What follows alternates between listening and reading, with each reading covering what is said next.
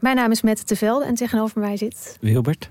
En ik heb vrij veel last gehad van neerslachtigheid, eigenlijk nog steeds wel in het leven. En depressies. En volgens mij gaan we dat proberen op te lossen. We gaan jou redden. En de rest van de mensen. En de toch? rest van de mensen. Ja. Wie redt Wilbert? Dat is de vraag. Wie helpt hem bij de kwesties en problemen van vandaag? Luister naar Wie redt Wilbert en de rest van de mensheid. Een podcast van de VPRO voor NPO Luister. Dit is Taylor's Era. Annelot Prins en ik, Sophie Rutte-Frans, vertellen je in deze podcast wekelijks alles wat je moet weten over de allergrootste popster van dit moment, Taylor Swift. We bereiden je voor op de Eras Tour, bellen met Swifties voor live concertverslagen. Doorgronden de roddels en geruchten en proberen het fenomeen Taylor Swift beter te begrijpen. Maar we brengen natuurlijk vooral een ode aan onze favoriete popster. Are you ready for it? Luister nu naar Taylor's Era op Spotify en Podimo. See you there. Hoi, hoi, honingballen. Welkom bij Damn Honey.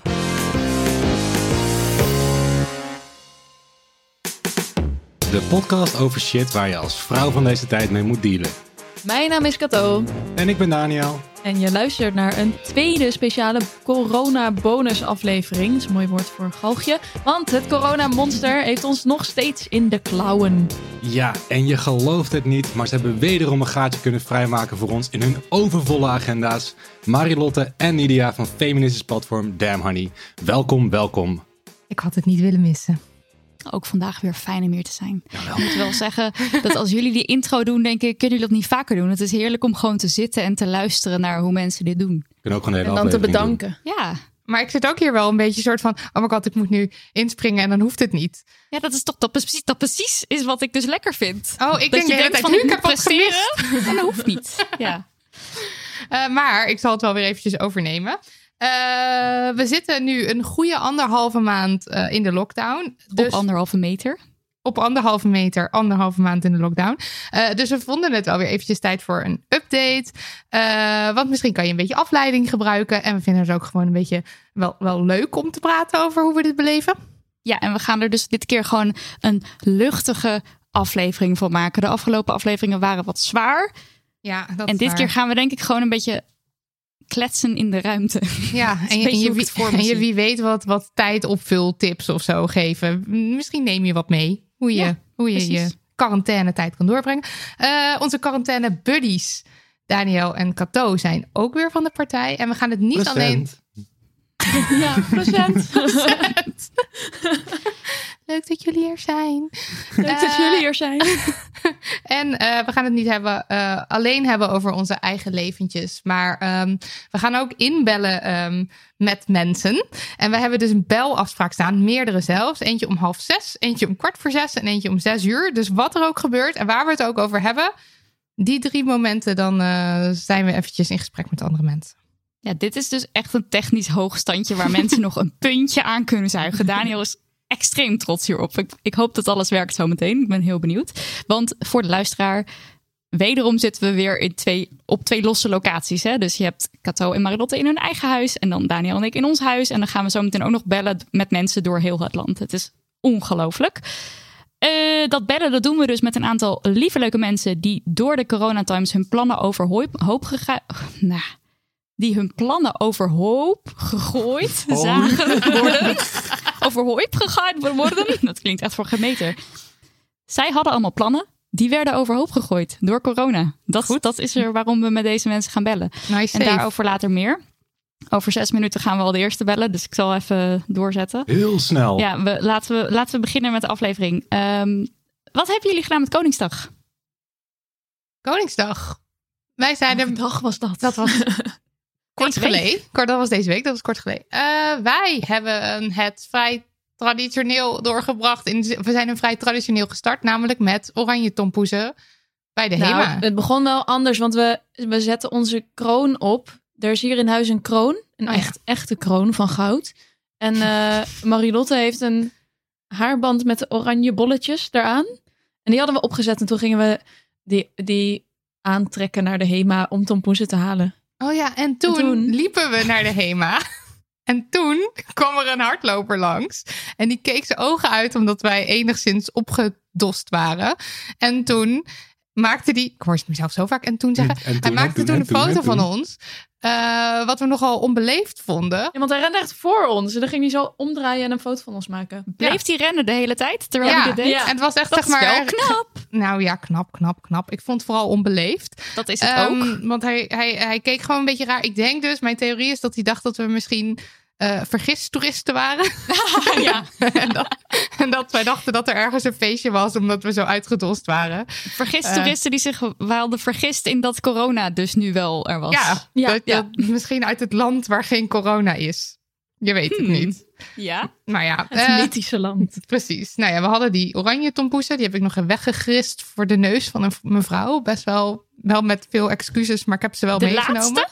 Nee, maar er stond een hele lange rij. En er lagen dus nog ergens eh tompoesen die ik zag liggen. En toen heb ik ze voor de neus van die mevrouw zo weggegrist. Gegrist. En Je merkt wel dat het een hele avontuurlijke dag was, ja, hè? Ja. Dit, dit, is, dit is echt, wel- dit zijn echt maar de eerste, Ja, echt eerste tien minuten. Menselijke interactie. Ja, was, waren mooie tijden. Dat, ik denk dat de ochtend een beetje ons hoogtepunt was. En we hebben daar Ja. nog gethuis gespijkerpoept. En Tom Poes gegeten met de koningse toespraak.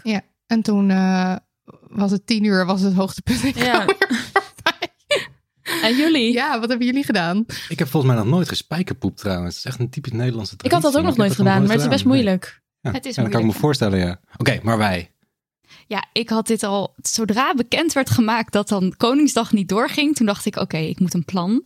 En toen was het plan zelf tompoesen maken, maar echt from scratch. Want ik weet dat je ze ook in een pakje kan kopen en dan is het gewoon opkloppen klaar, geloof ik. Dan zit het, dat spul, bank, hoe heet dat ook alweer? Dat, eh, dat knappe Banket, bladerdeeg. Bladerdeeg. Het bladerdeeg Ja. kan je dan ook al gewoon zo helemaal pre-made kopen. Maar nee, ik wilde het echt helemaal vanuit het niks doen. Dus ik was al weken boodschappen aan het sparen. Want het is niet makkelijk om alle ingrediënten bij elkaar te vinden. Ik kreeg er ook echt complimenten over toen mensen mijn Instagram story zagen van... Wat is dan een Wow. voorbeeld? Wat is een voorbeeld van een niet makkelijk ingrediënt wat je dan moest hebben? Alle, bak, alle bakspullen zijn op dit moment ingewikkeld. Oh ja, bloem is ook ingrediënten. de hele tijd op dat is natuurlijk ja, zo. het is allemaal ingewikkeld. Dus bloem is op. Ik moest custard hebben. eh, wat- ja, ik weet het nu al niet eens meer. Maar het, was echt, het waren veel verschillende losse dingen. Kleurstof, gelatine. Eh, fondant.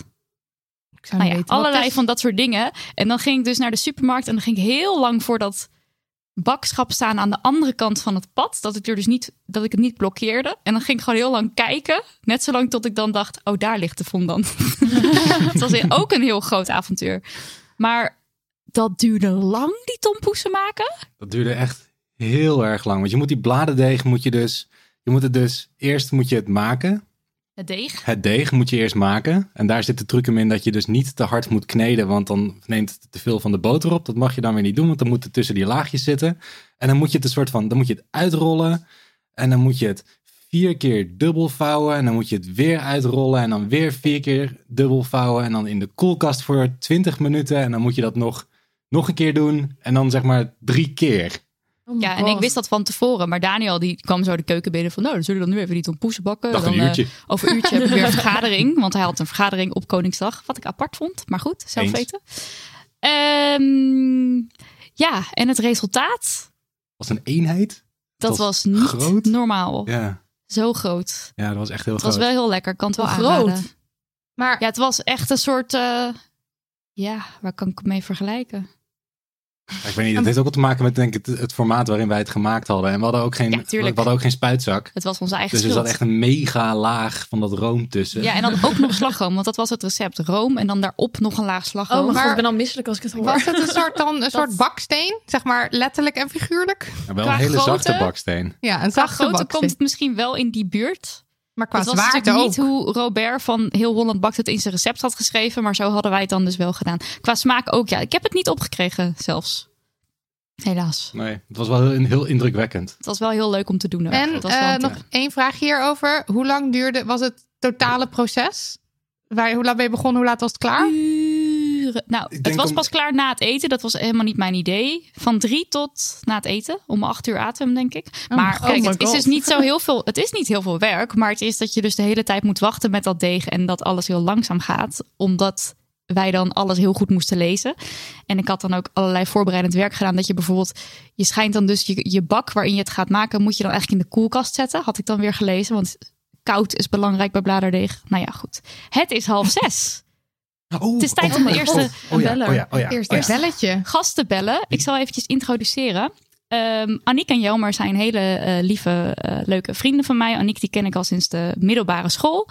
En eh Aniek was dus uitgerekend, eh, wat is het nu alweer twee weken geleden, in deze Corona Times. En in de vorige bonusaflevering zei ik al van wow, dat lijkt me nou heel spannend en wat vervelend. En het is nog maar even afwachten hoe dat allemaal gaat lopen.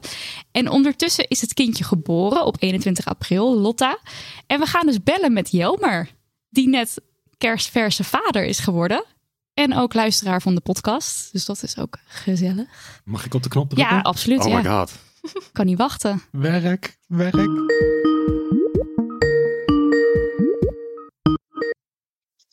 Hallo, met. Hey, hallo Jelmer. Hallo. Welkom in dit zeer intense Skype-gesprek waar je met maar liefst 1, 2, 3, 4 andere mensen eh, belt. Oké, gezellig. Ja, ik zal, ik zal een beetje het woord proberen te voeren zodat het niet een complete chaos gaat worden. Ik heb je net al even geïntroduceerd als zijnde de kerstverse vader van eh, Lotta. En ehm, ja, en als luisteraar van de podcast heb ik je trouwens ook geïntroduceerd. Klopt. Welkom. Trouwens, funny Dankjewel. fact. eh, jij woont in Addis en jij Klopt. werkt met een vriendin van Cato daar op dezelfde plek. Dat klopt, ja, inderdaad. Dat is toch ongelooflijk? Ja, heel toevallig, hè? Ja, we hadden het een beetje over wie we allemaal kenden. En toen, eh, ja, bleek het toch een kleine wereld te zijn. Heel leuk. Maar goed, je bent nu Ja. ehm, eh, tijdelijk in Nederland. En dat Ja. was allemaal al zo gepland voordat de coronacrisis uitbrak. Want er kwam een babytje aan. Inderdaad. Ja, Nou, en wij wilden graag eh, in Nederland bevallen. Ja, ja dat, dat, eh, dat kan ik me goed voorstellen. Ook om, om in het bijzijn te zijn van, eh, van mensen natuurlijk, van je ouders en dergelijke, van vrienden. Precies. Eh, maar toen gebeurde dit. even voor de duidelijkheid zeggen dat Addis in Ethiopië ligt. Oh, dat ligt in Ethiopië. ja, voor de mensen die dat Ja. niet weten. Klopt. Ja. Dat is een goeie. Maar toen gebeurde de coronacrisis. Ehm, Ja. Hoe was dat toen, toen Aniek nog zwanger was? Want had dat al effect op, op het verloop toen? Dus bijvoorbeeld ziekenhuisbezoek of hoe je dat, hoe jullie Ja, van tevoren zeker. de bevalling gepland hadden? Ja, absoluut. Kijk, ehm, wij kwamen dus echt terug voor de bevalling. Dus ehm, nou, ten eerste, we moesten hier tijdelijk even een huis huren. En ja, we hadden niet echt heel erg banden of zo met het huis. Dus per se thuis bevallen hoefde niet. eh, daarom. En eh, ja, we hadden wat statistiekjes gelezen. En daaruit bleek dat best wel veel bevallingen uiteindelijk, thuisbevallingen uiteindelijk toch nog in het ziekenhuis eindigen. Dus toen dachten we, als we dan toch nog eh, in de auto naar het ziekenhuis moeten, dan liever gepland. En niet eh hotel de botel eh, terwijl het allemaal bezig is. Maar goed, toen het allemaal met corona werd en we vonden het ook wel een beetje een leuk huis, besloten we toch maar het ja, in het huis te doen. En ook al werden we, werden we door het ziekenhuis ehm, gerustgesteld met dat er allemaal looproutes zijn die elkaar niet kruisen en zo. Maar toch dachten we, nou, we gaan het, we gaan het risico niet aan. En ehm, ja, voor de rest, eh, alle bezoeken die te maken hadden met de verloskunde of met andere checks eh, of met prikken die ze moest krijgen, daar mocht ik allemaal eh, haar wel naartoe brengen met de auto, maar daar mocht ik niet naar binnen. Nee. Dus dat was wel jammer, want al die ja, gesprekken die je dan hebt, die heb ik allemaal moeten missen. Ja. Dus dat was tijdens de zwangerschap. Ja, ik hoorde ook alweer van andere mensen die dan nu zwanger zijn, dat ook bijvoorbeeld de eerste echo en zo, dat je daar dan dus ook niet bij mag zijn als partner. Dat is wel echt heel erg heftig ook. Ehm, en goed, en, je, en jij moest natuurlijk heel erg opletten dat jij niet corona zou krijgen.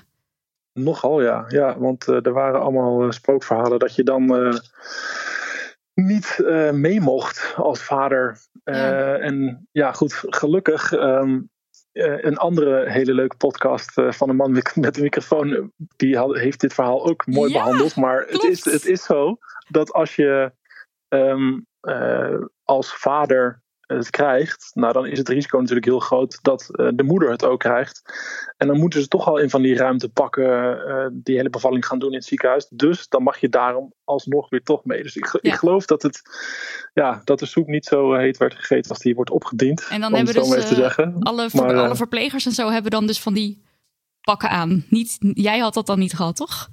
Nee, nee, Nee. precies. Oké, ja. ja, dat lijkt me ook heel bizar. Dat is toch heel afstandelijk tijdens zo'n ja, bijzonder Ja, intiem klopt. moment. Dat er van die ruimtemensen om je heen eh, wandelen. Eh, Oké, nou toen, toen ge- gebeurde het dus. De bevalling. Ja, precies. Wil je heel kort daar ook iets over kwijt? Hoe dat voor jou was? Ja, zeker. Ja, ehm, ik vond het een hele indrukwekkende gebeurtenis. Ehm, s ochtends vroeg begonnen de weeën al en dat duurde eigenlijk twaalf uur ehm, voordat ze dan serieus genoeg waren om de verloskundige te bellen. En die kwam en die checkte en die zei: Nou, ga nog maar even door, want jullie zijn er nog lang niet. En eh, nou ja, het, het, is, het, is een, he- het werd een hele lange aanloop. En uiteindelijk, ehm, zes, zeven uur later, werd dat kind pas geboren. Maar goed, het was, eh, het was, ehm, het, het was een hele, voor mij in ieder geval best wel technische voorbereiding. Want ja, ehm, er mocht dus inderdaad, behalve ikzelf, mocht er niemand bij zijn. Terwijl de zus van mijn vriendin is kraamverzorgster. En we wilden haar er heel graag bij hebben, dat mocht niet. Dus ja, ik moest, eh, ik moest een hele hoop eh, eh, doen en, en helpen in de voorbereiding. Vond ik ook leuk. Maar ik weet nog heel goed dat moment dat die kraamverzorgster zei van, of dat de verloskundige zei, wil je even de babykleertjes gaan klaarleggen? Dat ik toen dacht, wow, er komt nu gewoon echt een nieuw mens bij. It's weet je wel? happening. Want iemand wordt aangekleed. Ja, Ja. Is echt, it's happening. Ja. Heel erg gek. Heel bijzonder. Ja, en, ja.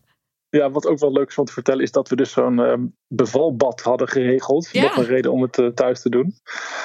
En ehm, ja, ik, eh, ik had het van tevoren, toen we dat ding gehuurd hadden, al een keer helemaal opgezet en getest en alles aangesloten. En het lukte allemaal perfect. En op het uur U natuurlijk, eh, ik- alles had ik al aangesloten. Meteen toen de eerste weetjes begonnen, maar toen ik hem dan mocht laten vollopen, klapte opeens de koppeling die zo'n waterslang aan de kraan verbindt van de kraan af. En eh, ik probeerde hem weer vast te maken en te duwen. En eh, met theedoeken eromheen te binden en zo. En het lukte allemaal niet, jongen. Oh, en het moest echt toen gaan vollopen, dat bad. Oh, wat Dus stress. toen heb ik alsnog ehm, de, haar zus om half één s'nachts uit bed gebeld. En die is toen, ehm, ehm, ja, die heeft een drie kwartier met een lamme arm eh, die koppeling tegen die kraan aangeduwd. Het water eh, uiteindelijk in het bad is gaan stromen. Maar ja, toen was Aniek ondertussen al zo ver dat eh, toen het water een keer vol was, of het bad vol was en eh, op goede temperatuur, toen vroegen we van, nou ja, je kunt in het bad, wil je dat nog? Toen zei ze, nee. Laat maar. oh, wat een verhaal weer. Oh, Ja. mensen, ja. Oh. En nu is Lotta er. Heel erg er. gefeliciteerd nog. Ja, fantastisch. Ja, gefeliciteerd. Ja, Van mij ook. Dankjewel. Van Dankjewel, iedereen, jongens. van heel de wereld. Ehm, en hoe is het nu? Want mag er dan bezoek komen? Of zijn er ook een soort rare regels nu over? Ja, ehm, nou eigenlijk eh, willen ze dat dus niet. Er mag eigenlijk sowieso geen bezoek komen als de kraamverzorgster er is. Hm. En ehm, ja, de kraamverzorgster heeft de hele tijd eh, handschoentjes aan. Gelukkig hadden wij een hele lieve menselijke kraamverzorgster. Die bovendien, eh, dat hielp ook wel mee, een dag of drie voordat ze bij ons begon, zelf voor het eerst oma was geworden.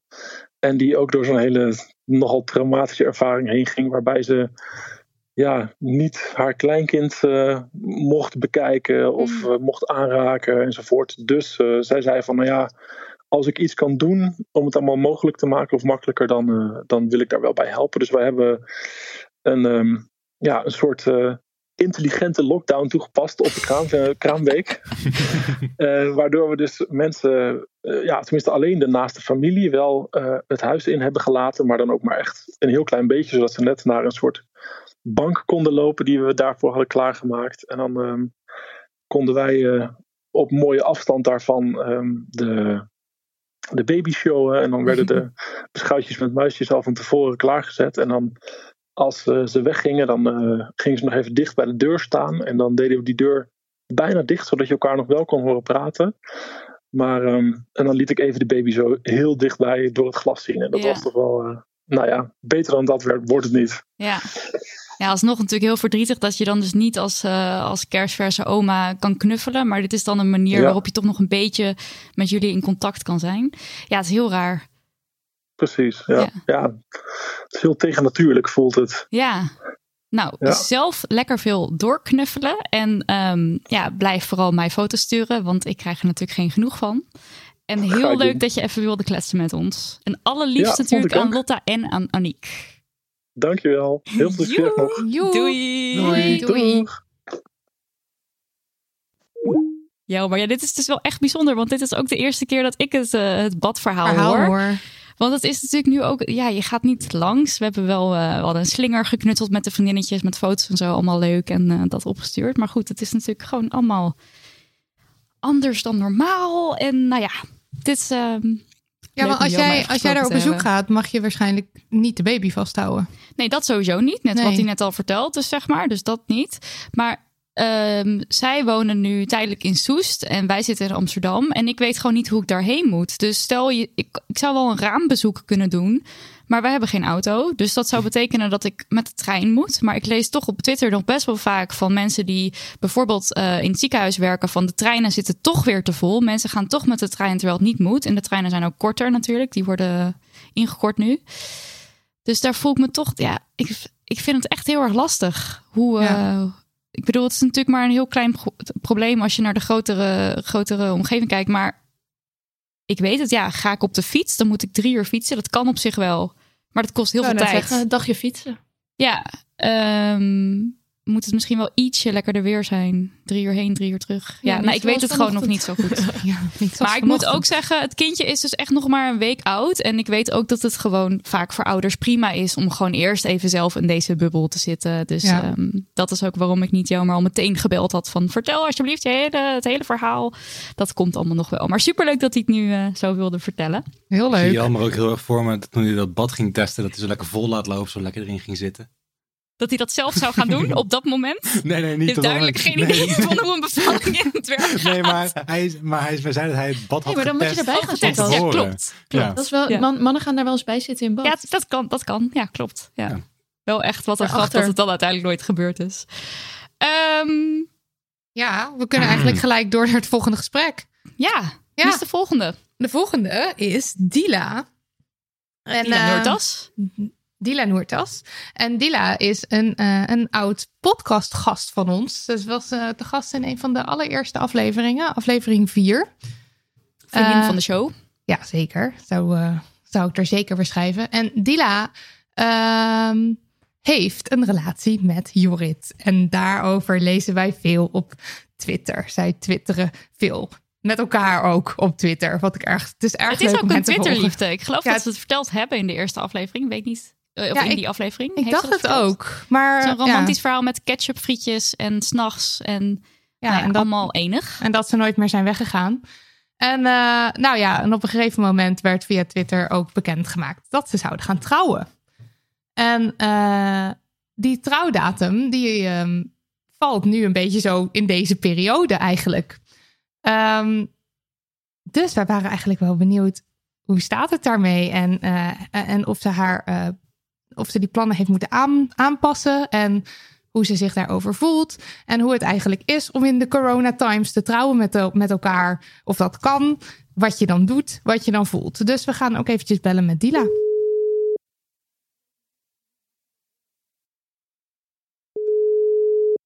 Hey. Hallo. Hallo. Hoi Dila. Hallo. Hallo, wat leuk dat je even met ons wilt bellen. En, ja, eh, natuurlijk. gezel, gezel.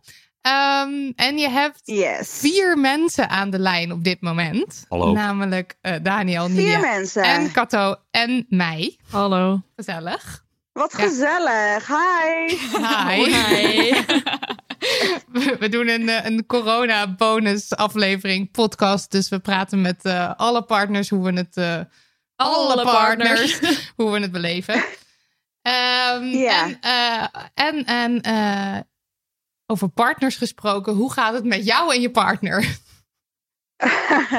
nou, met mij en mijn partner gaat het heel goed. Ehm Jorrit en ik zijn eh, sinds november verloofd. En we zouden oh, ja, komende zomer gaan trouwen. Maar dat gaat nu helaas niet door. Oh, dat is echt zo jammer. En heel eventjes, Ja. ehm, ehm, ehm, eh, even terug naar het begin. Want kun je ons eventjes meenemen naar eh, het, het, het aanzoek? Hoe ging dat? Het aanzoek, ja, dat was wel heel leuk. Jorrit had me opgehaald van werk. En we zouden eigenlijk uit eten gaan, maar ik kon niet slapen die da- dag daarvoor. Dus ik zei, joh, zullen we anders een andere keer uit eten gaan? Blijven we morgen lekker thuis? Ik kan echt niet, ik ben helemaal moe. Nou, toen haalde hij me op van mijn werk. En toen kwam ik thuis en toen was het hele huis versierd. Met allemaal hartjes en bloemetjes. En heel schattig. En hij had een eh, borrelplankje gemaakt. En eh, toen pakte hij champagne uit de kast. En toen zei ik, oh, hebben we wat te vieren? het is een beetje afhankelijk van wat jij nu tegen mij gaat zeggen. En wacht Ja. heel even, had je toen al iets door? Ik had het al door toen hij aan me vroeg of we uit eten zouden gaan. Nee joh. Oh, ja, had je dus dat vermoedens was echt al een paar dagen daarvoor. Omdat jullie Ja. gewoon nooit het eten gaan samen of zo? Nee, nee, helemaal niet. We gaan heel regelmatig uit eten. Maar ik had gewoon al een onderbuikgevoel. Jij voelde het gewoon. Maar was, het, Ja. was het dan de manier waarop die het vroeg? Wat zeg je? Was het dan de manier waarop die het vroeg? Nou, oh, de verrassing bedoel je? Ja? Nee, ja, om, om uit eten te gaan. Dat jij dacht, hmm, oh, hier nee, is iets aan nee, de hand. nee, nee. Nee, ja, ik weet het niet. Hij vroeg gewoon over WhatsApp. hey, zullen we anders eh, vrijdag uit eten gaan? En toen had jij dus toch nog de nerve om te zeggen op de dag zelf... Hé, hey, eh, ik heb niet zo lekker geslapen. Laat maar Nou, zitten. ik ga dus gewoon niet zo goed op weinig slaap. Ik word er vrij nukkig van. Ehm, dus ik dacht, nou, we kunnen het beter eventjes uitstellen, een beetje of zo. Zodat ik gewoon hè, lekker in mijn vel zit, me goed voel, er goed uitzie. Voor de foto's. nou, we hebben geen foto's genomen. Eh, Nee, maar, ja. maar Jorrit die liet zich niet uit het veld slaan dus. Nee, Jorrit die had de ring echt al een paar maanden daarvoor ehm, besteld. Eh, dus er lag echt maandenlang een ring in onze kledingkast waar ik geen idee van had. Ehm, ja, en ehm, hij wilde het eigenlijk eh, in de zomervakantie, zouden we op vakantie gaan, wilde hij het op vakantie vragen. Maar toen overleed zijn opa plotseling. Hmm. Dus zijn we niet meer op vakantie gegaan. Dus ja, nou ja, er kwam maar steeds geen goed moment. En Jorrit had toen op een gegeven moment zoiets van ja, dan moet ik zelf maar een moment creëren. Het gaat nu gebeuren Ja. ook. Nukkig of niet? Ja, ja. En wanneer kwam toen het moment dat jij, oké, je was dan verloofd en dan hebben jullie een, eh, Ja. een datum gekozen. En wanneer kwam dat moment dat jullie dachten van, oh, maar met al die coronamaatregelen zou er nog wel eens heel veel roet in het eten gegooid kunnen worden? Ja, eh, dat kwam bij mij ongeveer in februari. Dat we zouden eh, een roadtrip maken door ehm, Europa. Dus we zouden naar Frankrijk, Spanje en Italië gaan. Als Noord-Italië. huwelijksreis. Als huwelijksreis, Ja. ja. En ehm, nou ja, toen was er dus was, was die lockdown die begon in Italië eind februari. En toen dacht ik van, oh, hmm, misschien gaat, moeten we toch op zoek gaan naar een andere bestemming voor ons, onze huwelijksreis. Ja. En, ja, ik weet nog dat je ehm, dat tweette en dat ik dacht, oh, hè, wow. Dat was Ja. een van de eerste dingen, denk ik, dat je, voor mij dan, dat dan in Nederland iets anders Ja. zou moeten gaan. Want dat was nog voordat hier verder in Nederland Ja. al, al dingen gaande waren. Eh, Ja. ja, oké. En toen, eh, toen, maar toen dachten jullie nog wel gewoon van de bruiloft gaat wel gewoon door. Ja, we hadden sowieso al niet een heel groot feest gepland of zo. Dus we dachten, nou, dan gaan we gewoon trouwen en dan, dan zien we wel. Eh, doen we dat feestje, gezellig met al onze lievelingsmensen. En dan gaan we desnoods in, in, in september of zo wel op huwelijksreis. Ehm, nou ja, en dat, dat begon dus steeds een beetje van... oeh, misschien kunnen we helemaal niet meer op huwelijksreis. Of, nou ja. Maar die omslag dus is dan wel maar, vrij snel gegaan. Want je, als, je, als je in februari denkt... Oeh, moest- ja, en dan zijn nu misschien twee maanden verder. En Ja. nu is alles geannuleerd. Ja. En ehm, ik weet nou niet... Kijk, ik weet niet heel veel van bruiloften... want ik heb er nog nooit een zelf georganiseerd. Maar wat ik wel altijd Ja. hoor... is dat je dus ver van tevoren moet beginnen met plannen. En je moet je Ja. locatie regelen en je jurk en je... Ja. En eh, hoe, zit, hoe, hoe hebben jullie dat gedaan met, met annuleringen? Hadden jullie daar... Nou, Eh. dat, is, ehm, dat is wel een beetje grappig. Joris en ik hadden nog niks geboekt. Ehm, wij Helemaal zijn niks. allebei een beetje uit. helemaal niks. We zijn een beetje uitstellerig. Dus we dachten steeds: oh, komt wel. Als we eenmaal doorhebben wat we precies willen, willen dan, dan boeken we het gewoon. We willen toch niks groot. Dus als we een restaurantje af kunnen huren of zo, ja, dat kan vast wel een maand, twee maanden van tevoren. Eh, dus zo stonden we er eigenlijk een beetje in. Dat is echt jullie redding Ja, geweest. Jullie luiheid heeft Dat jullie gered. echt. Als wij niet lui waren geweest, dan waren wij nu duizenden euro's kwijt. Ja. Dus ik ben heel blij dat we zo uitstellerig gaan lui zijn. Want ja, Maar Ja. even, even zeg maar, dat, dat- ja, dat is natuurlijk grappig, maar uiteindelijk is het natuurlijk wel best een, een kutte beslissing om te maken. Ik kan me voorstellen dat het ook Ja. gewoon niet heel chill voelt als je dus op een gegeven moment tegen elkaar zegt, nou, we gaan het, we gaan het annuleren of we gaan het verplaatsen. Want wat gaan jullie, hoe, Ja. hoe voelde dat en wat gaan jullie doen? ja eh, nou, we begonnen er gewoon uit het niets over van, joh, hoe gaan we dat nou aanpakken? En wat is nou handig? En laten we dan alsnog het trouwen doorgaan en doen we dat feest een andere keer?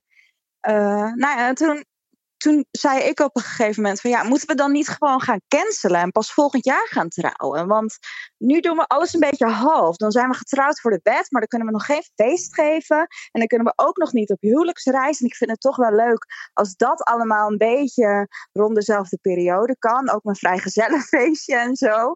Weet Ja. je wel, dat dat allemaal mooi aan elkaar vast ehm, aan elkaar aansluit. Ehm, dus, nou ja, daar was hij het eigenlijk meteen mee eens. Eh, dus het was wel een beetje pijnlijk. Het was wel even een pijnlijk moment. Van oké, we gaan dus niet trouwen nu. Ehm, maar ook wel weer fijn dat, dat we daar in elk geval nu niet aan hoeven te denken. Ja. Ja, ook wel weer een opluchting in deze tijden misschien. Precies. Ja, Ja, Misschien kan je ook uiteindelijk een soort tweede feestdagen ervan maken. Dat je dan de net niet trouwdag hebt. En de Ja. trouwdag. En dat je dan Ja. en dan heb je ook nog de verlovingsdag. En dan heb je Ja. allemaal romantische momenten. Nou, ja. Kan niet nou, ik vind het een heel goed plan. de net niet trouwdag. Stuur allemaal een kaart naar Dila en naar Op de Jor. net niet op de net trouwdag, niet ja. trouwdag. 21 juli. En stuur geld. Als je dan toch bezig bent. Precies. Leuk dat je even met ons wilde kletsen, Diel. ja dankjewel Dila. En alle liefst thuis. Ja, zeker. Love you. Yes. doei. Doei, doei. Doei. Doei. Ja, mensen. Wat een, wat een raar jaar is het dan. Hè? Als je dan denkt van wow, dat wordt dan dat jaar waarin zoiets heel groots gaat gebeuren. Waar je dat naar is het dan uitkijkt. niet. En dan hup, weg. Ja. Maar sowieso, ja, het is gewoon erg raar om mee te maken dat mensen nog steeds hun grote levensgebeurtenissen doormaken in deze tijden. Kato Ja. heeft net een nieuwe baan gekregen. Ook een hele grote levensgebeurtenis. Gefeliciteerd. Ja, bedankt. Ze moest een Ja, sollicitatiegesprek hier aan tafel doen. Ik zat er tegenover. Dus jij kon een beetje coachen. Zo van, Nou, dat is, Iets- dat is dus echt dat is best wel gek, hè? Om te solliciteren met, met je vriendin aan tafel. verschrikkelijk dat je Ja. niet hebt weggestuurd. Ik was heel zenuwachtig wel. Ik had mijn me koptelefoon op. En was ook bij, want het, was, het is niet een hele nieuwe baan, maar het is gewoon een promotie bij mijn huidige werk. Dus het was ook al een sollicitatie bij mensen die ik kende, met Oh, wie ik altijd werk. Maar ja. Ja. dat vond ik dus juist ook heel eng. Hmm, normaal ja. solliciteer je bij mensen die je niet kent en dan als het helemaal misgaat, dan zie je die nooit meer terug. ja, dan kan je gewoon zo de laptop dichtklappen Ja, en dan is het bye bye. Maar ja, nu was het dus dubbel eng, want er zaten en mensen die ik kende en mijn geliefde aan tafel. Oh, mijn geliefd. Hey, en het ik. inwerken, dat kan dan dus ook, dat, dat gaat dan dus ook allemaal op afstand. Ja, ja allemaal via Zoom. Ook nee, apart. Zoom mogen we trouwens niet meer. Oh ja, Oh, Zoom mogen ze niet meer. ja, Een ander, zo'n ander belprogramma. Ja. En dan moet je ook weer al je, al je nieuwe werkzaamheden onder de knie krijgen op afstand. Echt Ja. raar. Echt Ja. super raar. Ja. Maar ja, Maar het je kan, kan dus het. gewoon. scheelt wel dat het een iets minder drukke tijd is. Dus ik heb wel iets meer ruimte om goed ingewerkt te worden. Oh ja, dat scheelt. Oké, dan ga ik de volgende gasten alvast aankondigen die we gaan bellen. Ja, je hoort het goed. Dit is meervoud. We gaan met vier mensen hier, met Oh twee mensen God. in Helmond, eh skypen. Dit is echt, nou, ik ben benieuwd of We dit doen gaat het lukken. gewoon, we doen het. Eh, Maar Kato en ik houden ons goed op de achtergrond. ja, dat is heel Ja, goed. Ja, ik denk dat ja, je kan gewoon niet met z'n allen door elkaar heen gaan kletsen. Dan wordt iedereen helemaal een beetje. Kom, we gaan het kapen, Kato. Ja, we Kapen. kapen het. Je mag dat het dat doen kapen. jullie al Ik met denk deze dat hele podcast. Rashida en Najima het ook erg leuk vinden om even met jou bij te kletsen, eh, Daniel. Want die gaan we dus eh, bellen. Rashida en Najima Karbouche. Eh, mijn healthy sisters. Mijn sisters. Eigenlijk iedereen's healthy sisters. En eh Najima en Rashida ken ik omdat ik samen met hun eh, hun boek heb geschreven. Wat ook Healthy Sisters heet. En Healthy Sisters is een blog, mocht je het niet kennen, wat al een aantal jaar bestaat, waarop zij allerlei uh, tips, advies geven, recepten rondom lekker in je vel zitten, gezond zijn. En um, het zijn zo ongeveer de meest positieve. Uh, fijne, lieve, blije mensen die je kent. Dus het is allemaal heel erg in een, uh, in een soort fijne, leuke, uh, gezellige sfeer, deze tips. En uh, waarom we nu even met ze gaan bellen, is omdat zij meedoen aan de Ramadan. En dat natuurlijk ook allemaal heel anders is dan hoe ze dat normaal vieren. Of uh, vieren, dat, zo zeg je dat denk ik niet. Beleven. suikerfeest is dan weer iets wat je viert. Dus daar ben ik heel benieuwd naar hoe ze dat doen.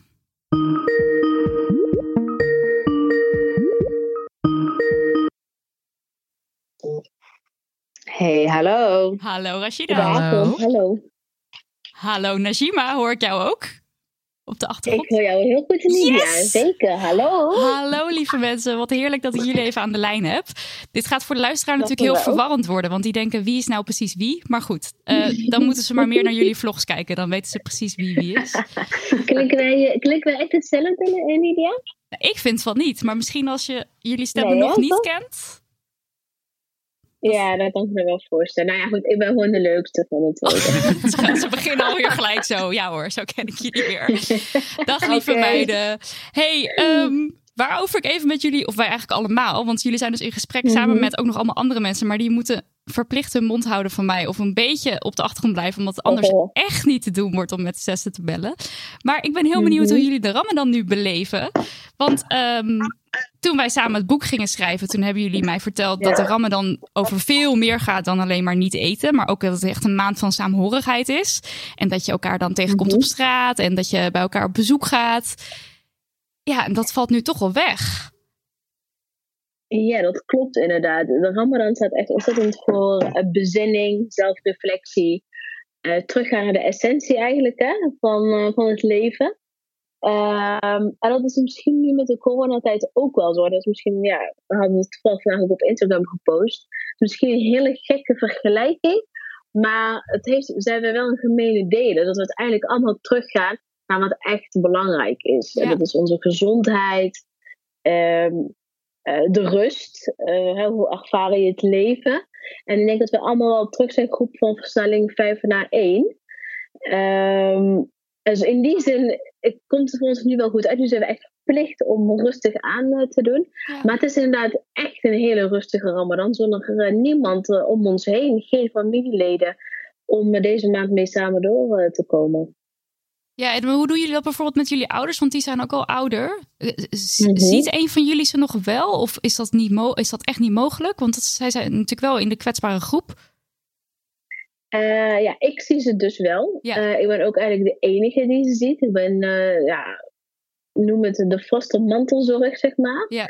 En dat, bet dat, betekent ook voor mij dat ik ook ontzettend moet oppassen met de keuzes die ik maak en waar ik naartoe ga en dat soort dingen. Dus mm. ik ben eigenlijk wel wel weken nu in een soort van zelfquarantaine. Ja.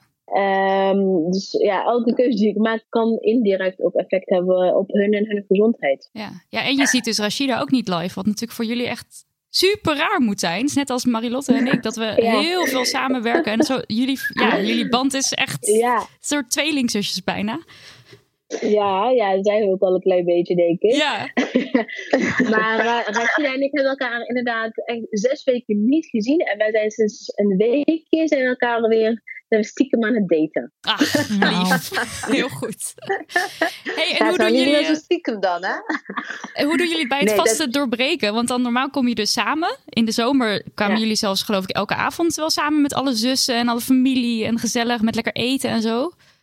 Ja, klopt inderdaad. Dat is nou helaas niet aan orde. Wij facetimen wel heel veel samen, ook tijdens de eten. Maar het voelt toch heel anders. Het voelt heel raar. Ja. Het, voelt, het blijft eenzaam ja, dan heb ik dan nog maar met mijn gezin. Dus dan heb ik nog enigszins, weet je wel. Ja. Maar toch, het voelt zo anders. Je probeert er natuurlijk ook echt iets van te maken. Ik probeer extra gezellig in huis te maken. En, en toch is het hem toch niet helemaal. Ik um, elke avond ook wel een soort vaste hier verbreken. Dan, ja, dan voelt het toch niet compleet op de een of andere manier. En dat wil niet zeggen dat wij de vorige Ramadan zeg maar elke dag met familie hebben doorgebracht. Maar toen was het juist heel fijn als je een keer even alleen met je gezin het vaste kon verbreken. Oh ja, ja. Maar ja, en, maar ik verlang wel weer gewoon zo fijn weer naar mijn moeders harira bijvoorbeeld. Dat Ja. je wel lekker samen gezellig en gewoon weer die, ja, die, die, die- ja, gewoon de geluiden en de gezelligheid en het gelach en gewoon dat. Ik, ik mis dat dat het, echt, eh, echt heel erg. ja. Ik denk dat het een beetje nu die even vergelijkbaar is met een kerst die je alleen moet doorbrengen. Ja, ja, precies. Ja. Ja. Verplicht. Gewoon ja, zo dat- dat- dat gewend om er de samen te komen. Ja, en dat dat nu compleet wegvalt. Ja. En, eh, En, en eh, vinden, jullie, ja. vinden jullie ouders het ook moeilijk, lastig? Ja, heel erg Super. Super. Ja. Echt, mijn, mijn ouders, wat dat betreft, denk ik eh, nu al echt ontzettend aan het een, verre eenzamen. Ja. Eh, ze, ze hebben het behoorlijk eh, zwaar, ja, moet ik wel zeggen hoor. Dus eh, Ja. m- mijn vader zei ook laatst, ja, ik weet niet wat straks is. Dat je ziek wordt van de corona of dat je of dit eh, Ja. een soort van gevangenis zit bij wijze van. Want het is bijna erger hè. Ja. Dus, Ja. eh, het, is, het zijn pittige tijden voor iedereen, maar eigenlijk nog veel meer voor hun. ja, Ja, heel nou, dat vind ik ook. Ja. En eh, met jouw kinderen, Rashida, want eh, gaat, houden jullie het een beetje uit met z'n vijven thuis? Het is een behoorlijk huis vol. nou, ik Nee, moet ik zeggen. Nee, ja, dat komt, weet je waarom? Dat ik die vraag krijg. Die heb ik echt zo vaak gehoord nou de laatste tijd. Van, hey Rashida, hoe zit het met de kinderen? Ben je Ja. blij dat de kinderen weer naar school gaan? En dat de antwoord menig mensen ook verbaast. Dat ik het echt heel erg vind dat Nou, ze weer naar school Ik gaan. dacht dat dus al, hè? Want ik had het er al met Daniel over. Ik dacht, volgens mij hebben die het hartstikke leuk goed. met z'n vijven. Lekker thuis met z'n vijfjes, Ja, lekker die spellen zitten gewoon spelen lekker spelletjes en films te kijken. En gewoon gezellig eh, af en toe een Ja, wandeling. We hebben het echt heel fijn Ja, gehad. dat dacht ik al. zeggen. En ook echt als ik zeg tegen sommigen van ja, het lijkt of corona heeft ook iets positiefs meegebracht. Hè? Behalve natuurlijk, kijk, het heeft natuurlijk heel veel narigheid, veel ellende. We kunnen nu bij elkaar zijn. Maar het allerergste eh, uiteindelijk zijn wel de mensen die, eh, die hieraan overleden zijn. Mensen Mhm. die mensen kennen die hieraan overleden zijn. Kijk, laten we dat wel voorop stellen. En het- dat je dan even thuis moet zijn om gezond te blijven, dat is natuurlijk niet het allerergste. Dus Nee. je moet ook een beetje relativeren. En dat heb ik eigenlijk ook vrij snel vanaf het begin ook gedaan. En toen dacht ik, van, we moeten er maar even iets van maken met z'n allen. Ja. Nou, de kinderen zijn thuis. Nou, Nidia, ik ben gewoon achter dingen gekomen wat ik zelf ook niet wist. Dat ik Oh. dacht van, oh, wauw, Zoals? mijn kind is hier echt goed in. Wat leuk. Of, oh mijn god, ken jij dat nog niet? Weet je wel, Dus ook dat soort dingen. Heel leuk. Dus aan de ene kant heb je, leer je dus ook op die manier ook eh, dingen kennen. En eh, aan de andere kant, ik hoor ook heel veel verhalen van de kinderen die ik voor, waar ze voorheen eigenlijk nooit vertelden. Of zo, Oh, dat we aan de keukentafel zitten. Daar komt van alles los hè, op dit moment. Dat is toch wel bijzonder Dus eigenlijk. Ja, dus ik vind het echt heel erg dat ze 11 mei weer naar school gaan. En dat Ja. meen ik echt oprecht. Ik. Eh, ja, en Najima ook. Najima zegt van, oh, laat ze niet gaan, want ook dadelijk gebeurt er wel iets met die kinderen. Mm. Maar Dus meer van, ik nou ja. een van de weinige ouders ben die het oprecht wel erg vindt dat ze weer gaan eigenlijk. Ja. Maar eh, we hebben het echt heel fijn, eh, zijn wel doorheen gekomen. En nog steeds eigenlijk. Ik, eh, ik heb geen moment gehad dat ik dacht van, eh, oh wat erg eigenlijk. Maar wel erg, ik, ik vind wel, dat wil niet zeggen dat ik het niet erg vind dat onze hele leven nu op zijn kop staat. En dat ik niet verlang naar weer gewoon het gewone normale leven. Maar, het, maar zolang wij gewoon allemaal gezond zijn en onze dierbaren en mensen die je kent, dat je daar geen gekke verhalen over hoort, ja, dan heb ik zoiets van, ja, waarom, hè, kom op mensen, waar klagen we toch zoveel Ja, over? Dan houden we het wel vol Ja. met z'n allen. Ik word had wel echt trouwens- helemaal blij van dat jullie het zo waardevol vinden om zo samen te zijn. Ik vind het echt Ik een zei heel toch dat het de meest verhaal. positieve, lieve, leuke mensen zijn. Dat had ik al, zo had ik jullie al aangekondigd. Ik heb niks gelogen. Ik heb trouwens nog Ah, wel een vraag. Want Ja. ehm, net zeg jij, Rashida, van ja, deze vraag krijg ik de hele tijd. En dan wilde ik Ja. eigenlijk vragen, rondom de Ramadan zijn er natuurlijk ook allerlei vragen die jullie continu moeten beantwoorden. Van mensen die zelf nog nooit hebben meegedaan aan de Ramadan of gewoon niet zoveel ervan afweten. Ja. Ehm, kan je een paar van dat soort misschien toch wel een beetje irritante vragen die je altijd krijgt, voor eens en voor altijd de Oh. wereld uithelpen door hier even te vertellen? Wat, wat, wat Ja. zijn die vragen? Die weten we heel veel, ja. Ja. Eh, ook, geen- ook, mag je ook geen water? Nee. Nee. Ook geen kauwgompje? Nee, ook geen Nee. kauwgompje. Mogen jullie wel tanden poetsen? Ja, tuurlijk. mogen, jullie ook, mogen jullie wel douchen tijdens de Ramadan? Ja, dat is wel zo fris, denk ik. ja, echt. De meest gekke dingen krijgen wij echt nog steeds wel gesteld. Ja. Maar, Maar aan de andere kant... gewoon. Ja. Wat, zeg, wat zeg je, Najwa? Sorry, ik, ik er wel weer doorheen. Hè? En dan Nee, dat ook maakt uit. eet gewoon, niemand ziet het toch? Oh ja, oh ja dat Oh, is ook dat een zeggen hele goeie. ook, Ja, ja. Ja. Ga lekker, ja, ga lekker. En als je in een donkere ruimte zit, mag je dan wel al eerder eten. Omdat we natuurlijk hè, bij zonsondergang echt dat... Oh, ja, mensen. Uitstekende vraag. Als je de zon niet ziet, is de zon er ook niet. Ja, zo is het. Al Ja, deze en mensen moeten dat- jullie boek lezen. Dat is wel duidelijk. Ja, ze moeten zeker ons boek lezen, inderdaad. Maar aan de andere kant, Nidia, vind ik het juist heel fijn als mensen ons wel vragen stellen. Ja. eh, in plaats van dat ze zelf dingen gaan invullen. Dus Ja. het is natuurlijk, als mensen een vraag stellen, is het natuurlijk ook dat hè, ze- is gewoon interesse tonen in elkaar. En dat is natuurlijk alleen maar mooi. Dus ik vind eigenlijk geen enkele vraag gek. En ik lach er ook niet om. Soms dan denk ik, oké, weet je wel, daar gaan we weer. Maar dat is helemaal niet erg. Dus ik heb zoiets, ik heb liever als mensen mij al die vragen maar blijven stellen. Ik, ik antwoord ze met alle liefde. Ja joh. En dan nog mijn allerlaatste vraag. Want jullie zijn nu ehm, tijdelijk eventjes naar de Fasting Sisters eh, getransformeerd. Ook op, ehm, op YouTube en zo. Eh, Hebben jullie nog een soort laatste goede tip voor mensen die meedoen aan de Ramadan? En ehm, nou ja, een, een gouden tip die jullie altijd geven. De gouden tip die we eigenlijk altijd geven tij- tijdens de Ramadan, ja, het zijn er meerdere. Doe er maar paar. ja, eh, even kijken. Eh, ja, inderdaad, van, eh, trek gewoon je normale leven ook door, eh, ook tijdens de Ramadan. Dus zie de Ramadan niet als een vrijbrief om lekker lang uit op de bank te liggen en Netflixend de maand door te komen. Maar blijf bezig ook tijdens de Ramadan. Ehm, eet gezond, blijf in beweging. En vooral ook die mindset. eh, wat Najima net ook zei. eh, probeer ook een beetje te reflecteren. Van wat is de afgelopen jaren allemaal gebeurd. Dat doe ik eigenlijk vooral juist in de Ramadan. Heel veel mensen doen dat met nieuwjaar. En ik doe dat eigenlijk in de Ramadan. Wat is er afgelopen jaar allemaal gebeurd? Wat kan beter? Waar wil ik in groeien? Ehm, dus die mindset. En wees ook lief voor elkaar. Dat, dat vind ik eigenlijk nog het allerbelangrijkste. Wees lief voor jezelf, maar ook voor elkaar en voor je naasten.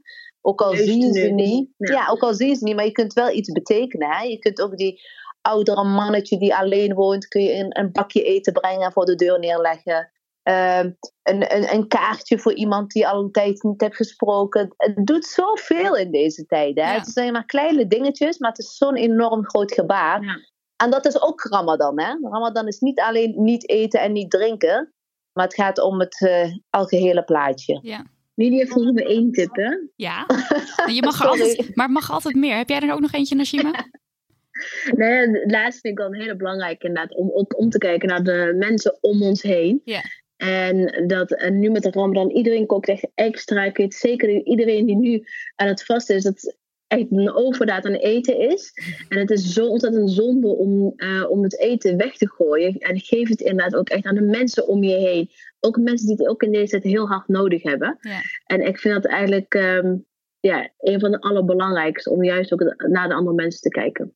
Eén hele kleine kanttekening. En dat geldt niet alleen voor degenen die niet mee aan het vasten zijn. Hè? Gewoon lief voor iedereen. Hè? Voor alles en iedereen. En het bakje eten is ook heel lekker voor degenen die ook niet aan het vasten zijn. Ja. Die, snap je? Dus het is niet alleen maar van moslims voor moslims. Maar het is gewoon van ons voor iedereen. Nou, ik Ja. kan niet wachten tot de shabakia hier eh, op de deurmat eh, ligt. Graag een bakje eten van Dus stuur maar We op. mogen niet reizen helaas. From Helmond. Je me- bent de app me post. even jouw adres, eh, Nidia. Dan komt dat helemaal goed. Dat ga ik zeker Dat doen, Rashida. Nou, lieve mensen. Wel delen, hè? Ja, tuurlijk. Wel delen, hè? Tuurlijk. Met Daniel en met de rest, hè? Zal ik doen. Zal ik doen. Hey, dank jullie wel stop. voor dit lieve, leuke telefoontje. En alle liefs ook thuis. En ehm, aan jullie ouders en aan de kids en aan Ali. En ehm, tot snel weer. Dankjewel. Jij ook, jij ook Lydia. En voor al jouw geliefdes. Lieve je mensen heen. die er om mij heen eh, ook weer allemaal Ja. rondhangen. En voor iedereen die ook Dankjewel. nu in de, in de groep zit. Hè. Stay safe en stay healthy allemaal. Hè. Ja. Dank jullie wel. Jullie. Doei. Doei doei. Oh my god, deze mensen. Ik had geen woord te veel gezegd. Ik weet het ook echt. Nou, dit boek, dit is toch ook... Ik laat het even zien op de webcam. Het is een en al vrolijkheid. Hé, wat heerlijk. Ik Nou, heb zijn alleen maar dus- zo, met zo'n met zo'n glimlach zitten Ja, hè? luisteren de hele tijd. Ja, ik had dus toen ik dit boek ging schrijven, ging ik elke woensdag naar Helmond. En dan werd ik daar helemaal in de watten gelegd. En dan gingen we gewoon de hele dag kletsen om het boek uiteindelijk eh, daaruit voor te laten vloeien. En dat was zo'n fijne, leuke tijd. Ik weet het ik nog goed. mis dat wel.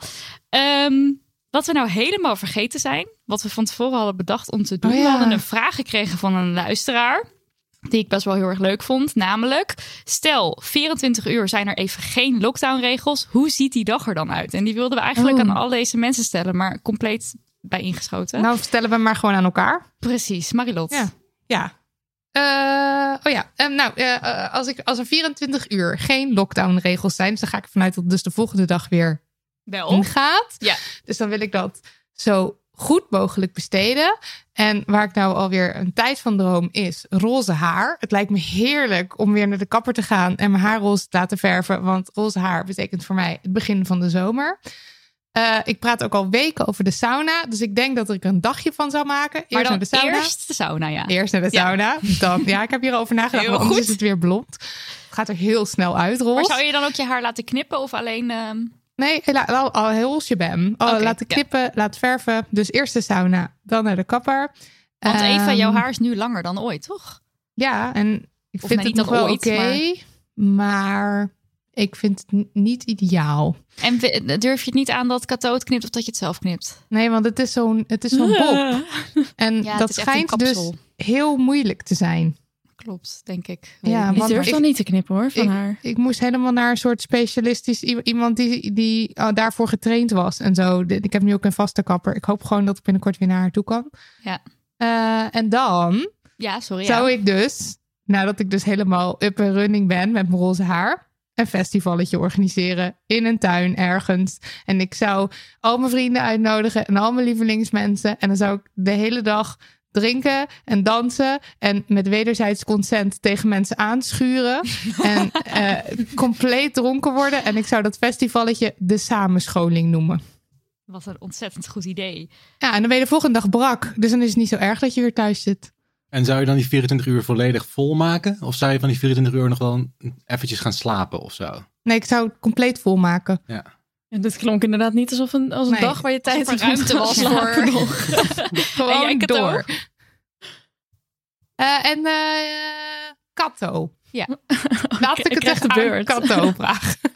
Ehm, De beurt. nou, ik zou, ik zou eerst gewoon even bij... O ja, want ik, ik eh, heb dan wel in mijn hoofd dat er dan ook helemaal geen corona is. Dus dan is het gewoon weer even helemaal terug in de oude wereld. En niemand Zo heb ik het inderdaad ook bedacht. Dat is misschien niet helemaal de um, vraagstelling. Maar zo heb ik het inderdaad ook wel Ja, maar we doen nu wel gezien. even alsof het dat Ja, de vraag stelt. precies. Want anders Dus is het gewoon- onmogelijk. Ja, klopt. Ja. Dus ik zou even naar oma gaan. Even oma een dik pakkert geven. Eh, en dan eh, weer terug. En dan zou ik eh, Slapen. naar de bioscoop gaan. ik mis de bioscoop heel erg. Ik ook. Ehm, even, ja, lekker popcorntje, lekker filmpje kijken. En dan de kroeg in. Want ik mis de kroeg ook gewoon. Het lekkere, het bruine café, mijn bitterballetje en mijn biertje. Ja. Ik ben een heel simpel mens. Ik hoef al die festivals Een niet. bitterballetje, een biertje. Dus jij bent niet, op, tevreden met jij bent niet aanwezig met- bij met het festival. Wat, Wat zeg je? Jij bent dus niet aanwezig op het festival dat Marilotte organiseert. Nee, want ik Want zit jij- dan in het bruine Kroeg. café met, Precies. met al mijn vrienden. Ja. Ik ga ervan uit dat dit verschillende dagen zijn. Oh mijn god, nee, ik bedenk nu iets wat ik echt ook heel erg mis. Het Amazing Café. Oh ja. Dat zou ik ja. ook willen hebben. Maar dan moet het dus wel Oh. precies op de eerste maandag van de maand lockdown ja, vrij en dan moet er zijn. echt heel erg geen corona zijn. Want dat is wel, dan sta je wel echt heel dicht bij elkaar. Ja, in voor de en, mensen en we moeten mensen kennen? eigenlijk niet vertellen hierover, want dan wordt het veel te druk in dat café en dan kom je niet meer binnen. Oh, ja. Oké, maar zonder te noemen waar het is. Het is dus een café en dan krijg je een heel dik liedboek in je hand met allemaal liederen. En dan is er dus een klein live bandje en die gaat dan, die gaat dan op verzoek een nummer ehm, spelen. Want En iedereen een verzoek is schreeuwt dan dat je keihard het 58. nummer schreeuwt van... Ja. Precies. En dan is 58 bijvoorbeeld zing, vecht, huil, bid. En dan gaat dus dat hele café dat zingen. En het is magisch. Ja. ja, het is echt... Dat, en het is zo dat dus druk dat, je, dat er ook buiten prachtig. mensen staan te zingen. Maakt niet uit Ja. wat voor een wereld En het is zo warm daar altijd. De, Ja. En echt een, nee, daar kan je niet heen nu. Je krijgt er ook gewoon een warm gevoel van, Ja, van en het zingen. energie. Ik En, eh, krijg een heel apart gevoel van binnen. Dat is een klein Amazing Café. ehm, Ja, dat In mijn je dan huiskamer. bijvoorbeeld. ja, wat Hey, ik, jij, eh, eh, Nidia? Ja, ik mis de spa toch ook wel heel erg. Eh, dus die staat wel op mijn lijstje. Maar ik zou natuurlijk eerst naar eh, Lotta gaan. Het kindje van El, eh, Jelmer en Aniek. En ik zou heel graag naar mijn zus gaan, want mijn zus die is net verhuisd. Die heeft, eh, weet ik veel hoe lang geleden, een huis gekocht wat helemaal gebouwd werd. En we hebben helemaal meegeleefd. En toen heeft ze allemaal coole badkamers, ja, meervoud, eh, zelf eh, uitgekozen. En ze is heel erg into ontwerp. Ze is helemaal bezig daarmee geweest. En toen ging ze verhuizen en toen konden we helemaal niet helpen en alles. Want dat is allemaal afgelopen periode. En dan ook mijn kleine neefje weer zien. Want die heb ik natuurlijk nu ook alleen maar op videobelmode gezien. Wat wel heel leuk is, want dan probeert hij de hele tijd mij te pakken. Maar het is leuker als ik hem natuurlijk terug kan pakken. En ik zou langs mijn ouders gaan. Dus dat is dan denk ik alweer een heel groot deel van de dag, spa. Ehm, ja, en de bioscoop, dat vind ik dus ook heel erg leuk. Ik zou denk ik ook gewoon vrienden zien en knuffelen. Een soort grote knuffeltour. Dan laat ik de bioscoop misschien toch voor wat het is. Ook vind ik het nog zo leuk. Ja, ik dacht dus, je kan gewoon, je kan de hele tijd films kijken. Ik, ik mis de bioscoop kan- ook wel heel erg. Maar Je kan films kijken, maar dit is toch anders. Maar het is wel experience, hè, de het ding dat dan al die grote films nu uitgesteld zijn, vind ik wel heel prettig. ja, Want nee, anders had ik het helemaal gemist. Ja, het is niet een hele exciting dag, maar dat zou ik dan wel doen en zelf heel erg excited daarover zijn. Daniel? Ik zou. Ik heb heel veel zin om mensen weer te gaan knuffelen. Dus ik zou gewoon een paar mensen die ik heel graag knuffel, zou ik graag knuffelen. Zou je ook met zo'n bord gaan staan met free hugs gewoon op de straat? Ik deed Nee, dat nee, nee, vroeger. nee, nee, maar ik heb, ik heb gewoon bepaalde mensen met wie het heel fijn is om te knuffelen. Ik heb bijvoorbeeld een collega, Elke Oldhuis, luistert ook Damn Honey. Shout-out naar Elke. En serieus, zij is zo fijn om mee te knuffelen. Zeg maar, het is gewoon, en dat zou ik dus, zeg maar, dat soort dingen zou ik graag wel willen doen.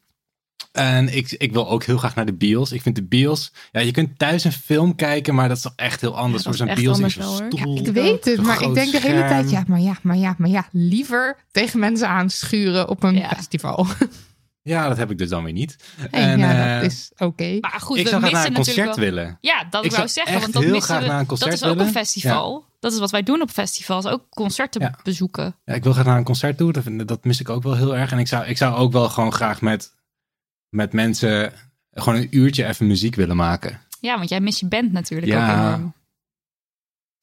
Ja, je wordt Dat is helemaal niet leuk allemaal. Ik word er Nee. eigenlijk heel somber van. corona maakt je creativiteit Als je helemaal kapot. in het denkproces zit, is het nog heel leuk. En als je Ja. dan het allemaal uitgesproken hebt en dan denk je, oh ja, dat kan dus allemaal niet, dan zakt het er weer even in. Maar ik vond het wel echt een heel erg leuke vraag. Ja, maar het, het voelt een beetje alsof je soort van de gekste dingen en allemaal wilde fantasieën kan uitzoeken. Maar het is gewoon zoals het leven was voordat. Dat Ja. is eigenlijk het treurige Dat hier. mis je gewoon zo erg. Ja. Ja, is toch niet Het leuk? is bioscoop. En hebben jullie nog allerlei eh, nieuwe hobby's eh, ontwikkeld? Ja, of nou ja, hobby's. Maar we hebben wel allerlei activiteiten. Sowieso zijn we ons huis nog steeds aan het, aan het eh, inrichten. Dus, Ben je eh, verhuisd? uit Veel uitrichten. meer. Is chef je balkon verhuisd? geworden. Zijn, zijn jullie gaan samenwonen? Oh ja, dat heb ik natuurlijk nog helemaal niet verteld. Eh, we zijn dus gaan samenwonen, eh Cato en ik, aan het begin van de lockdown. Ik weet niet of de luisteraars dit weten, maar dat is dus zo. Maar jij bent chef balkon, Marilot, hoor ik net. Ja, ik ben chef balkon, dus ik ben helemaal in de weer met eh pallets en lampjes en zo. Want eh, als we nog eventjes in lockdown moeten, dan leek, leek het me wel fijn om in ieder geval dit huis helemaal te perfectioneren. Wat doe jij met pallets op je balkon? Niet neerzetten In als bankie. Oh ja, een brand steken. Oh ja, dat was het. Oh een ja, bank dat was ervan maken. En eh, een eh, ritueel vuur. Ehm, nee, als bankie. Ah. Want, want er past hier maar weinig. Het is een heel... eh, En ze passen precies in het Ja. hoekje waar we de pallets willen hebben. Ho, Ja, er past mooi. hier maar weinig. Vergeleken met En- ons balkon zit Ja, een dat is waar. van ruimte. Ja. En wist je dat de tuinmeubelen, balkonmeubelen zijn echt, eh daar mag je wel voor sparen, want dat is echt, dat is niet te betalen, man. En pallets zijn wel te betalen. Dus ja, Ja, oké. Maar dit is even, even geen grap hoor. Zelfs de aller, aller, allerlelijkste, simpelste stoelen of zo voor in de tuin kosten echt een fortuin. Het is... ik denk dat het goedkoopste wat we gezien hebben 300 euro was. Wat? Een bank. Ja, Ja. nee, echt. Dus het gaat om dat soort bedragen. Dat is niet normaal hoor. Als je gewoon een beetje in een chille lounge stoel wil, hè? Niet een, niet een klapstoeltje, dan betaal je wel wat meer. Maar gewoon een, een beetje in een chille lounge stoel. Eén goede Nou, dus- loungestoel. Wat? Eén goede loungestoel, 300 euro. Ja, Ja. een godsvermogen. Dat zegt dat wel, ja. Ja. Nou, dat eh, moet er heel wat eh, petje af. eh. Kom maar door mensen met de petje af. Nou, Ja. eventjes, daarover gesproken. Heel erg bedankt alle mensen Ja. die dat gedaan hebben. En één iemand in het bijzonder. Ik, ik, ja, ik zal niet haar naam noemen, want ik weet niet of ze dat prettig vindt. Maar we kregen echt een zeer royale petje af binnen. En elke petje af is mij heel waardevol. Dit was toch wel heel bijzonder. Ik heb gelijk met Lotte gebeld. Ja. Heel, heel, heel, heel veel dank. Dat wordt echt enorm gewaardeerd. Ja, from the bottom of our Ja, hearts. Dat dat wel duidelijk is. Dus dat is fijn dat we dat hebben. En dat ik daar mijn meubels van kan kopen. Dus Maar- Marilottes nieuwe hobby is balkon. Ja, balkon, balkon en, eh, en koken is dus nu ook een hobby van mij. Ehm, wat heel apart is, want ik hou helemaal niet van koken. Maar, of tenminste, dat dacht ik. Dit was een beetje mijn angst toen we gingen samenwonen. Want ehm, in de periode daarvoor heeft Marilotte, denk ik, drie keer voor mij gekookt. En dan hebben we het over twee jaar of zo. Eh, en nu heeft ze toch al, al zeker zes keer gekookt. En ze kookt echt super lekker. Oh mijn god. Ze Maar- kan echt super goed koken. Maar opeens. daarvoor wil ik graag eventjes shout-outen naar eh, een van mijn besties, Margot. Want die weet dat ik liever lui dan moe ben. Dus die heb ik geïnstrueerd. Die kookt dus heel graag. En ik heb haar ge- geïnstrueerd, of nee, gevraagd of ze ehm, mijn recepten wil sturen. Die super makkelijk en super snel zijn. En dat doet ze dus nu ook. En ze heeft me de laatste twee keer eh, recepten doorgestuurd van Alison Roman. En zij kookt voor de. Of zij maakt filmpjes en ze schrijft recepten voor de New York Times. Volgens mij. Of de New York. Nee, de New York Times. Nou, het is zo goed gruwelijk lekker en makkelijk. Ik heb gisteren een kikkererwtenstoof gemaakt. Ik ging echt dood. Het was echt heel erg lekker. En zo simpel. Maar ik heb dus dikke lol in de keuken. Ik weet ook niet. Het is echt ongelooflijk. Ik weet niet wat, Ja. ik, weet niet wat ik hoor. Maar je hebt wel maar heel kort lol, want het is heel snel koken. Ja, dat vind ik dus grappig dat je, dat, Ja. dat je dus toch korte dingen kiest. Want Ja. ik kies dus juist nu de dingen die veel tijd kosten. Want ik heb normaal... Ja, nou bijvoorbeeld, ik heb normaal echt geen geduld voor dingen die bijvoorbeeld een nacht moeten reizen. Want ik ga altijd op het moment dat ik al honger heb in een kookboek kijken. Dat werkt natuurlijk niet. Ehm, dus dat soort dingen, dat doe ik gewoon nooit. Maar nu dus wel. Ja. En mijn grootste obsessie nu is Samin Nosrat. En eh, je kunt haar kennen van de serie Salt, Fat, Acid, Heat. Ik moest even spieken, want in mijn hoofd kan het ook Fat, Salt, Acid, Heat, he- Heat, Fat, Acid, Salt. Ik kan het de hele tijd niet onthouden. Maar dat is een, eh, een kookboek en een Netflix documentaire.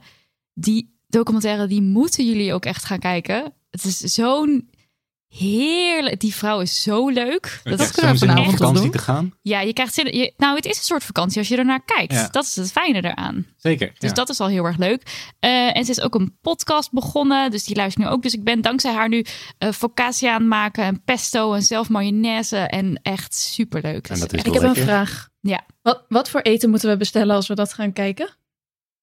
Nou, je moet dus eigenlijk zelf iets maken. Ja, maar tijden voor tijdens het kijken.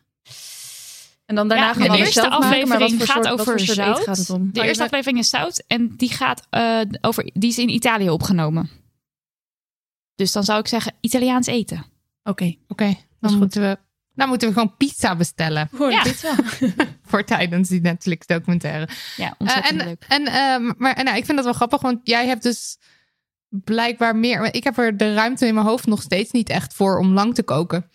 En jij maar dat komt dus natuurlijk omdat jij nog de hele verhuizing had. Toen was ik al aan het ontspannen. processen dat dit allemaal gebeurde. En toen Ja. daarna had ik dus de ruimte om te gaan koken en zo. En wat ik bijvoorbeeld nu ook gedaan heb, is zelf zaadjes planten. Dat is ook zoiets wat ik vroeger, waar ik echt niet dacht dat ik dat ooit ging doen, omdat ik gewoon instant resultaat wil. Maar, maar even, eh, wij hebben dat ook gedaan op het balkon. En hoe leuk is het? Want nu Het komt is het naar zo leuk!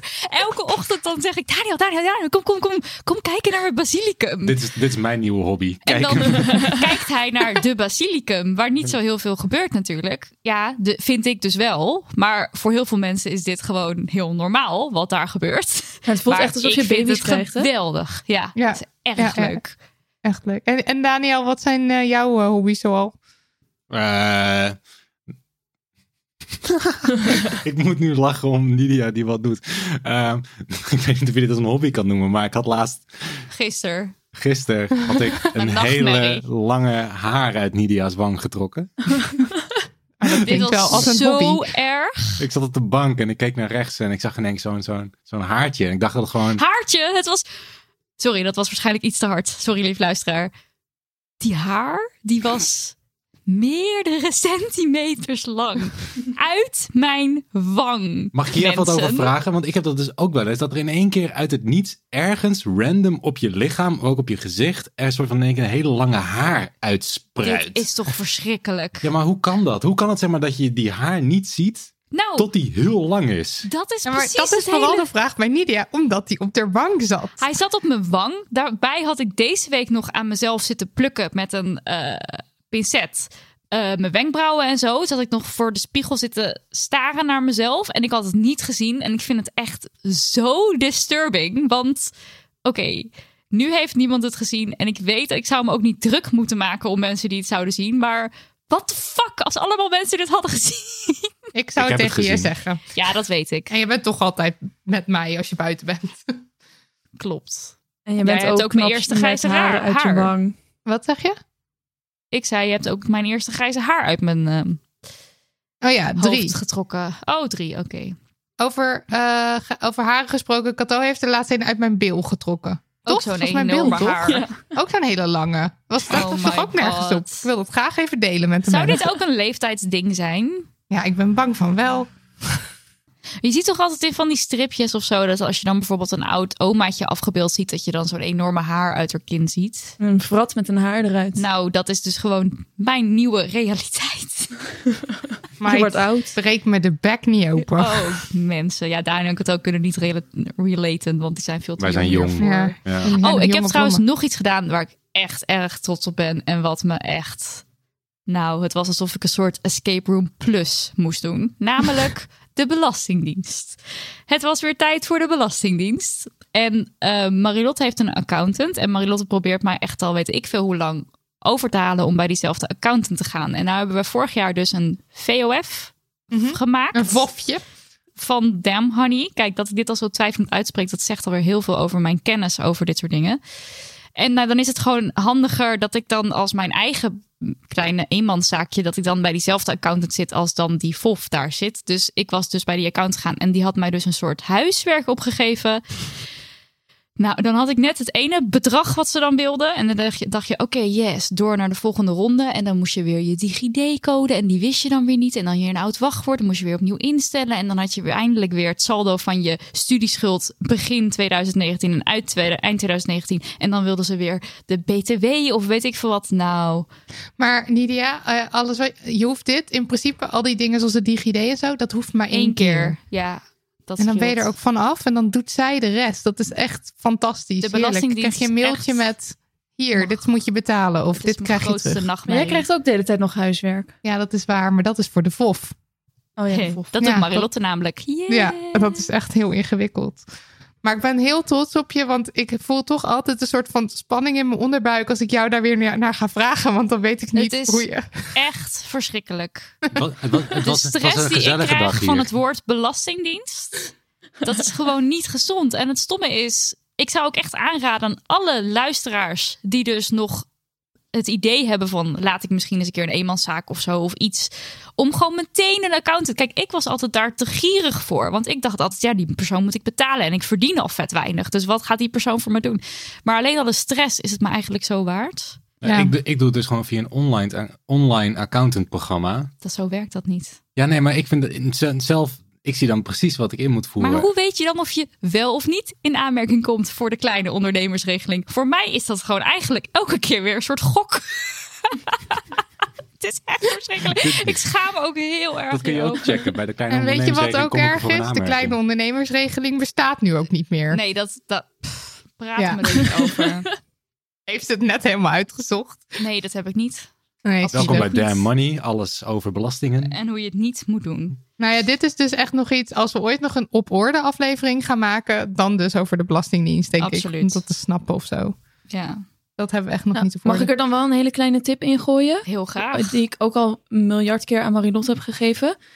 Maak een LastPass-account aan en zet al je wachtwoorden erin. Oh je ja. hoeft nooit meer een wachtwoord op te zoeken. En Dat het is zo handig. idee. Doe het alsjeblieft. Ja, je, je, je schijnt er dus een, een halve dag mee kwijt te zijn. Dat is wat Ja, mij je moet even al je wachtwoorden veranderen en erin zetten. Maar als ze er eenmaal in staat, je, in, je, in je telefoon kan je gewoon met je vingerafdruk overal in. Dat is In je geweldig. computer vult hij het allemaal automatisch voor je in. Het is zo fijn en het Ja, is het mega veilig. Met die wachtwoorden is dan heb je dan een wachtwoord. Dat mag je natuurlijk niet meerdere keren gebruiken. Dat is natuurlijk al één probleem. Dan heb ik wel een soort heel leuk systeem voor mezelf bedacht. Want ik doe altijd liedjes. En dan doe ik de allereerste letters van al die woorden van dat liedje. Dus ik zit er altijd het liedje te zingen. En dan doe ik met uitroeptekens en weet ik veel wat allemaal voor tekens erbij. Maar je hebt dan altijd weer zo'n zo'n programma wat dan zegt... eh, ja, maar nou heb je iets gebruikt wat niet mag. Of wat dan zegt, ja, maar je hebt niet genoeg dit gebruikt of niet genoeg dat gebruikt. Hebben jullie deze herkenning? Nou, ik herken dit dus nu niet meer, want ik heb last pas gebruiken. en die genereert het. Precies. Oh, die bedenkt zelf de wachtwoorden. Ja. Dus dan hoef je ook niks te onthouden of zo. En eh, dat, ja, het schijnt, het schijnt de hemel te zijn. Oké, je hebt me overtuigd met deze heerlijke, zoetgevoiste aanbeveling van LastPass. Dit was Noospon. Noospon. Wat Oh, nog meer doospon. Jullie hebben die plantjes. Ja, Ja. we, wij- we hebben die plantjes. We Ook hebben een wel, hobby. Hoeveel kregen we er? Elf. Elf. Elf plantjes van plantje.nl. Daar kan je Noospon. namelijk een groene kneusjesbox bestellen. Volgens mij heet het zo. En dan krijg je dus plantjes die nog een beetje liefde nodig hebben. En, eh, En dit is niet, die dus niet mooi genoeg waren voor de, voor de reguliere verkoop. Dus die zouden dan eigenlijk worden weggegooid. De Maar nu buitenbeentjes onder de mogen ze in de kneusjesbox en komen ze, wordt, kan je ze adopteren. Dat Dan is krijg je zo ze en dan kan je lief voor ze zijn. Daniel, ik wil dit ook. Oké. Oh, dat is, ik, ik dacht dat hij ging zeggen, we hebben al te veel planten. Nee, maar nee, nee, nee. Ik, ben echt, ik heb het al lang besteld. ja, het komt volgende week. ik wou net zeggen, moet ik dit verklappen of niet? Maar dat Nee, komt nee, eraan. ik, ik, Maar je ik krijgt- zou echt mijn huis dus- heel graag helemaal vol met planten willen. Ik kan het echt niet wachten, ja. want ik zie zoveel mensen online allemaal foto's maken. En die planten zien er zo mooi uit. Ze zien er helemaal niet uit als kneusjes. nee, ze zijn echt prima planten. Echt heel leuk. Het zijn helemaal onze baby's geworden. En, en, en, en ik hou dus planten nooit in leven. Dus ik, ik zag op eh, Instagram bij eh, Suzanne Mensen... eh, zag ik dat ze Picture This als app aanbeval... Beveelde? Bevol? Bevolde, bedoel je? En bedoel je? Daar kan je dus... eh, zij, aan, zij aanbevulde dus deze app. En dat heette Picture This. En dan kan je een foto maken van de bladeren van de planten. En dan zoekt hij dus op welke plant het is. En dan hoeveel zonlicht hij nodig heeft. En hoeveel water. En dat is super fijn voor mij. Want dan kan ik gewoon telkens als ik denk... Hm, laat ik de plant eens water geven. Opzoeken wat er aan de hand is met zo'n plant. Maar Nou, schrijf je dan ook op wanneer... Hoe weet je dan wanneer je hem water hebt gegeven? nou ja, dat is nog iets wat ik allemaal Oh, uit moet zoeken. Ik Ja. denk gewoon dat deze app mijn plantenleven gaat verbeteren. Ik had dus al een plant gekocht. Hij staat hier op tafel. Daniel kan hem zien. En het is een soort zebravaren. En toen ik die ging kopen, toen was de jongen achter de toonbank. Die zei, eh, wow, je hebt echt een hele bijzondere uitgekozen, hè? En je bent de Oh, eerste oh. die hem koopt. Nou, toen, ik, ik vervulde natuurlijk van trots dat ik als niet-plantenkenner de bijzonderste plant uit de winkel had uitgekozen. Maar eh, ja, die plant die schijnt dus... Dit is dan de eerste keer dat hij... Hij wordt maar heel weinig... Er zijn er maar twintig of zo, zei hij. Nou, ik heb het waarschijnlijk... Nu zit ik het te overdrijven. Maar Ter wereld? Kost een fortuin. ik denk in Nederland. Maar het was dan de eerste keer dat die kruising gemaakt was of zo. Maar hij is ook echt heel mooi. Nu is het een kwestie van hem in leven houden.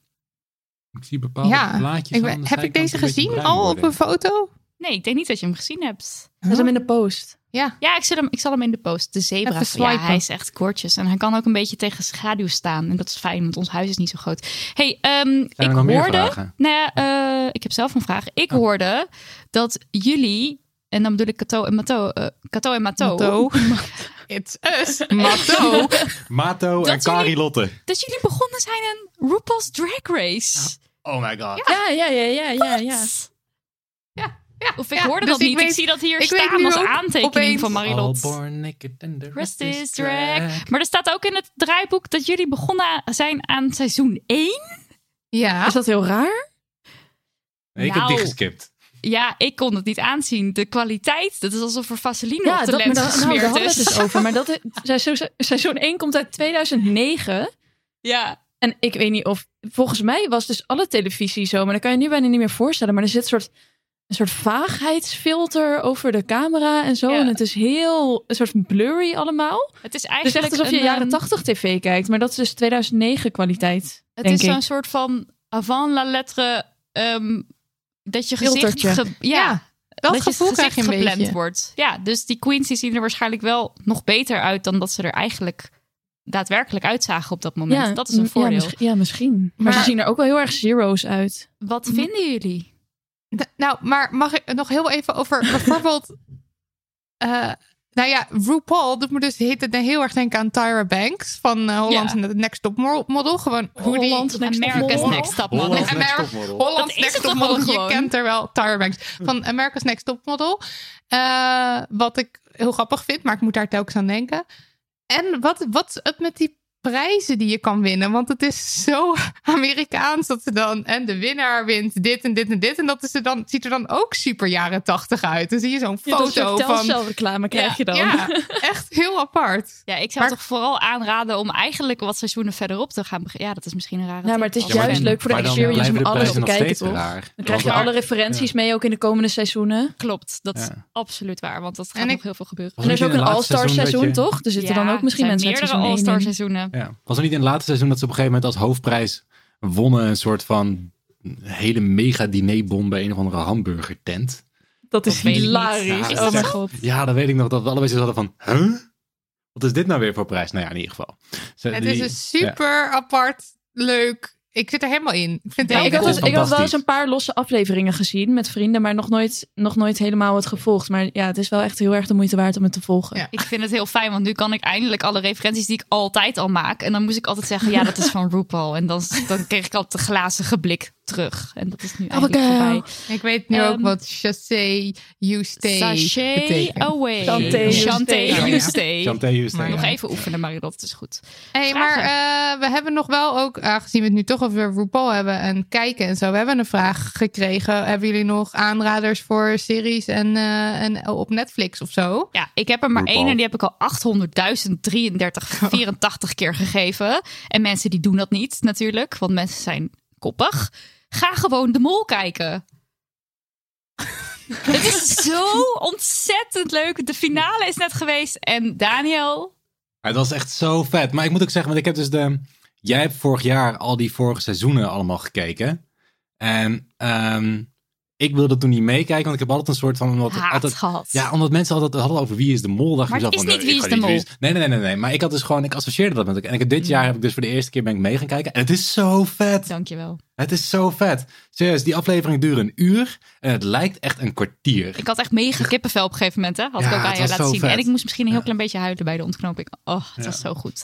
Maar waarom is het dan zoveel vetter dan Wie is de Mol? Ze hebben drone shots. Nee, daar ga, dat, dat, Dat is ook heel vet. Ook. Dus hoe het gefilmd is, is super vet. En de muziek en alles, is, de edit is geweldig. Maar de opdrachten, dat is het. En het zijn dus onbekende mensen, onbekende Vlamingen.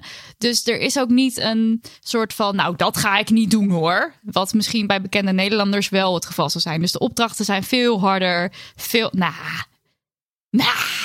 Het is zo, nou oké, goed. Ja, je, ziet- je ziet er echt een weer, soort van... weer dezelfde promo. Dit heb ik vorige keer toch ook allemaal Ja, verteld? maar je ziet ook die groep, zie je ook, zeg maar, naarmate het seizoen verder komt, ook, is er echt, echt een groep. Bonden, ja. Ja. ze zijn aan het bonden, maar wel voor zichzelf nog steeds bezig. Dus je ziet echt ook die ontwikkeling bij die mensen. Ja, het is en ze, geweldig. ze worden ook steeds leuker, de mensen. Dus iemand die in het begin dacht van mezelf van, Hè. maar die, vind, die vond ik echt heel erg leuk op een gegeven moment. Ja, nou ja, Ja. smullen. Oké, wat zijn jullie tips?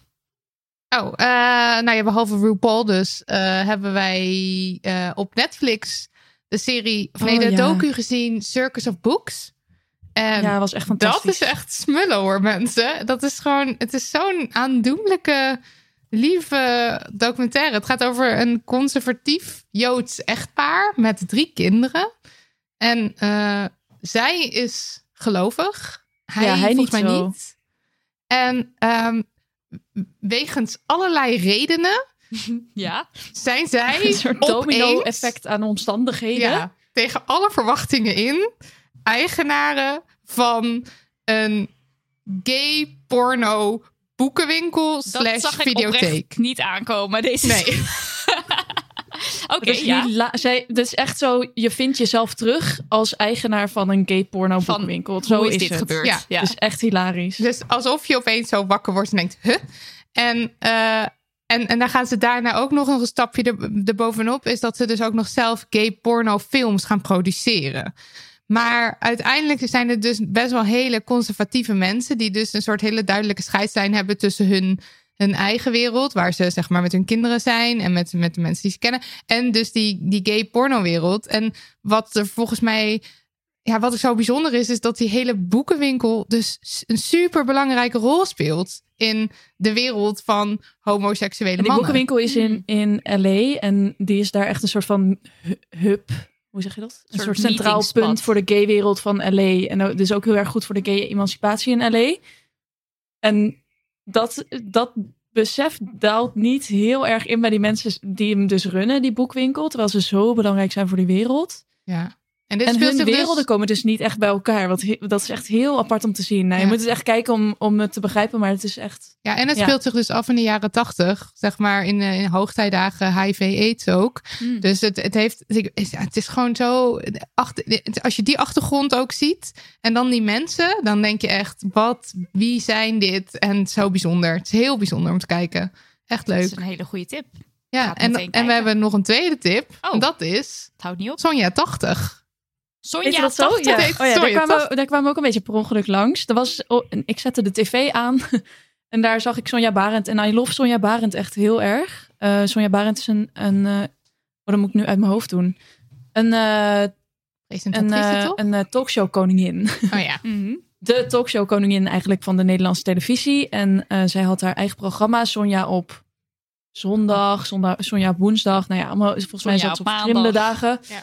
Eh, en zij was dus echt de eerste die, ehm, de eerste vrouw in ieder geval, die een eigen talkshow had in Nederland. En dit programma, Sonja was 80 geworden dit jaar. En dit programma blikte terug op haar hoogtijdagen als talkshow koningin. Ja, en dan wordt er dus ook, je hoort allemaal mensen aan het woord. En eh, bijvoorbeeld ook Eva Jinek, die dan zegt: Ja, het is eigenlijk zo bijzonder dat zij eh, zo lang eh, zo'n prominente rol eh, Hmm. eh, heeft gehad in de tv-wereld. En eh, zij heeft ook wel de- een beetje de weg gebaand voor andere, voor, voor andere vrouwen. En dan krijg je bijvoorbeeld ook.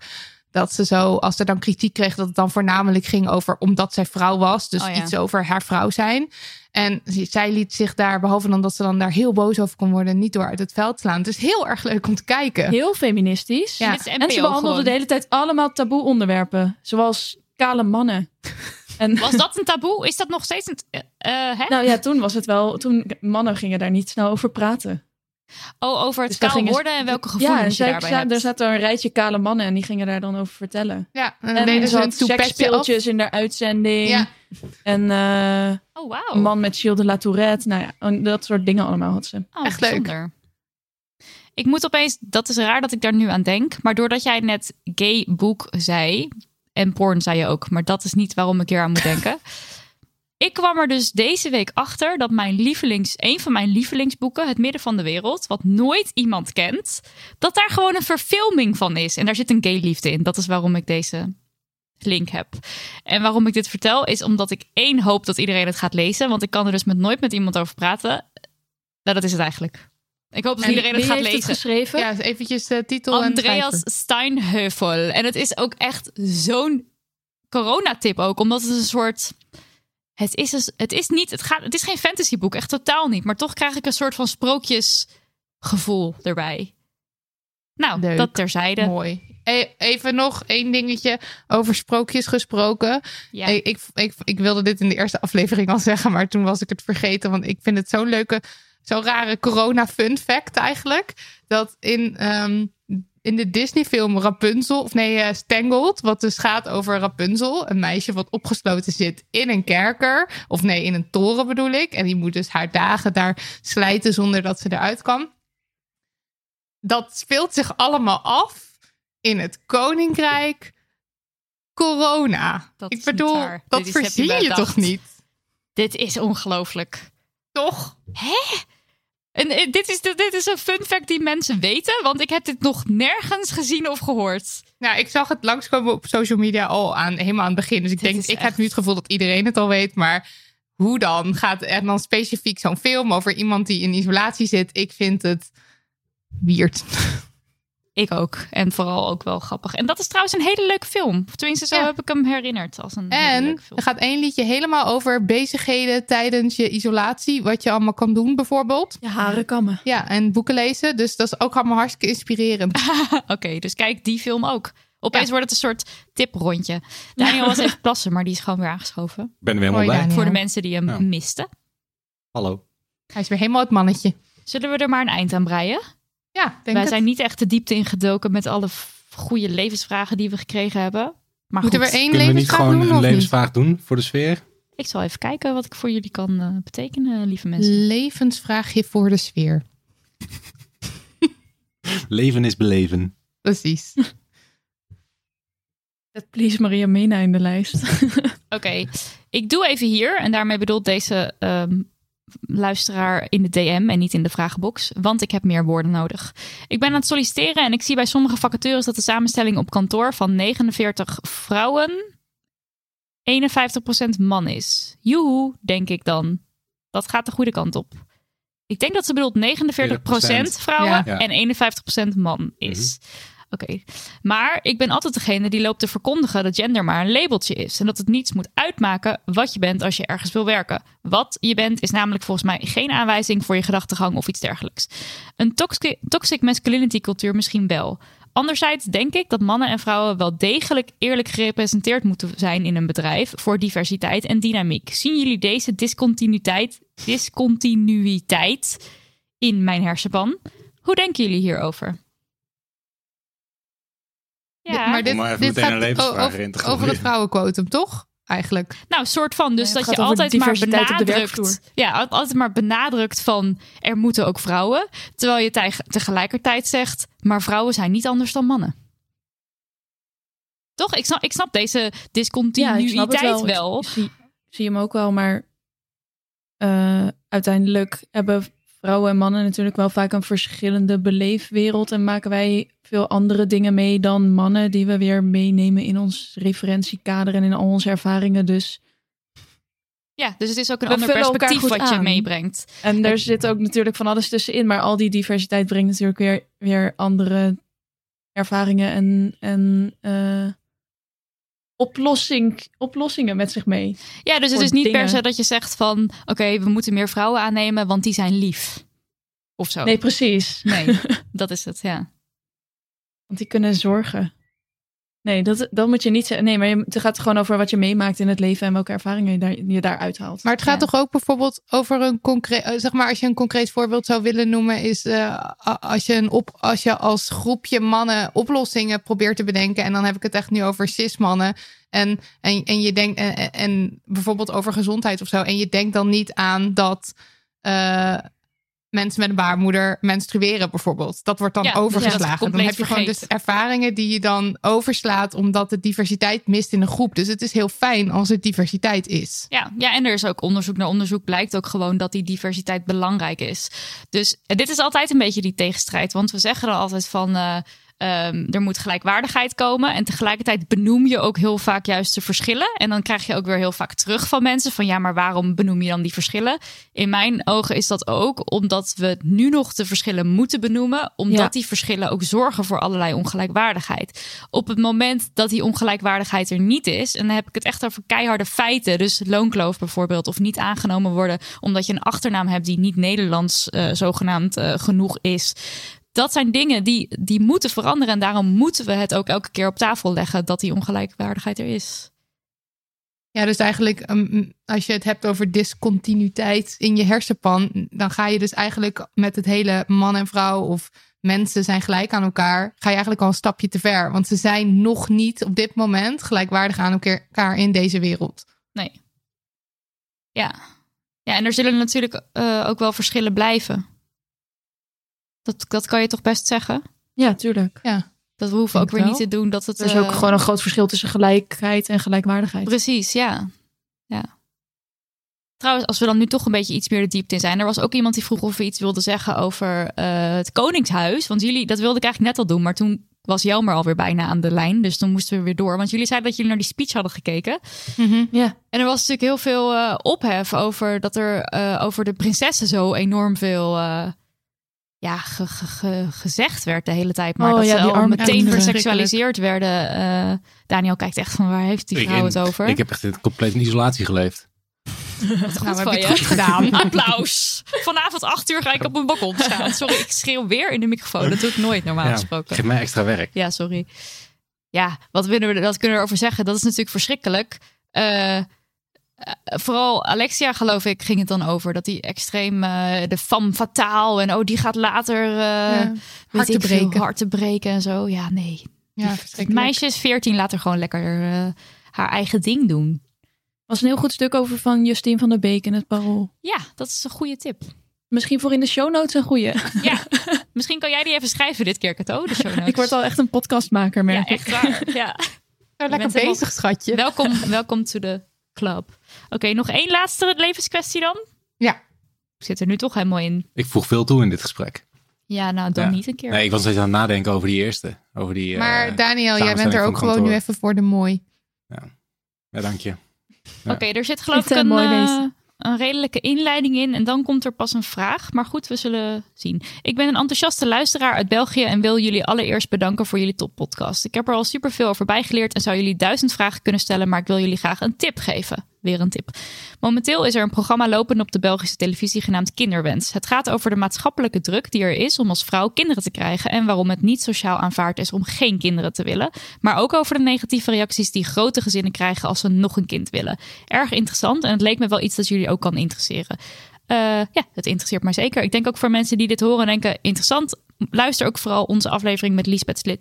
Lisbeth Smit en Lisbeth Smit over niet-moederschap. Ik weet, eh, aflevering 24? Aflevering 23. 23.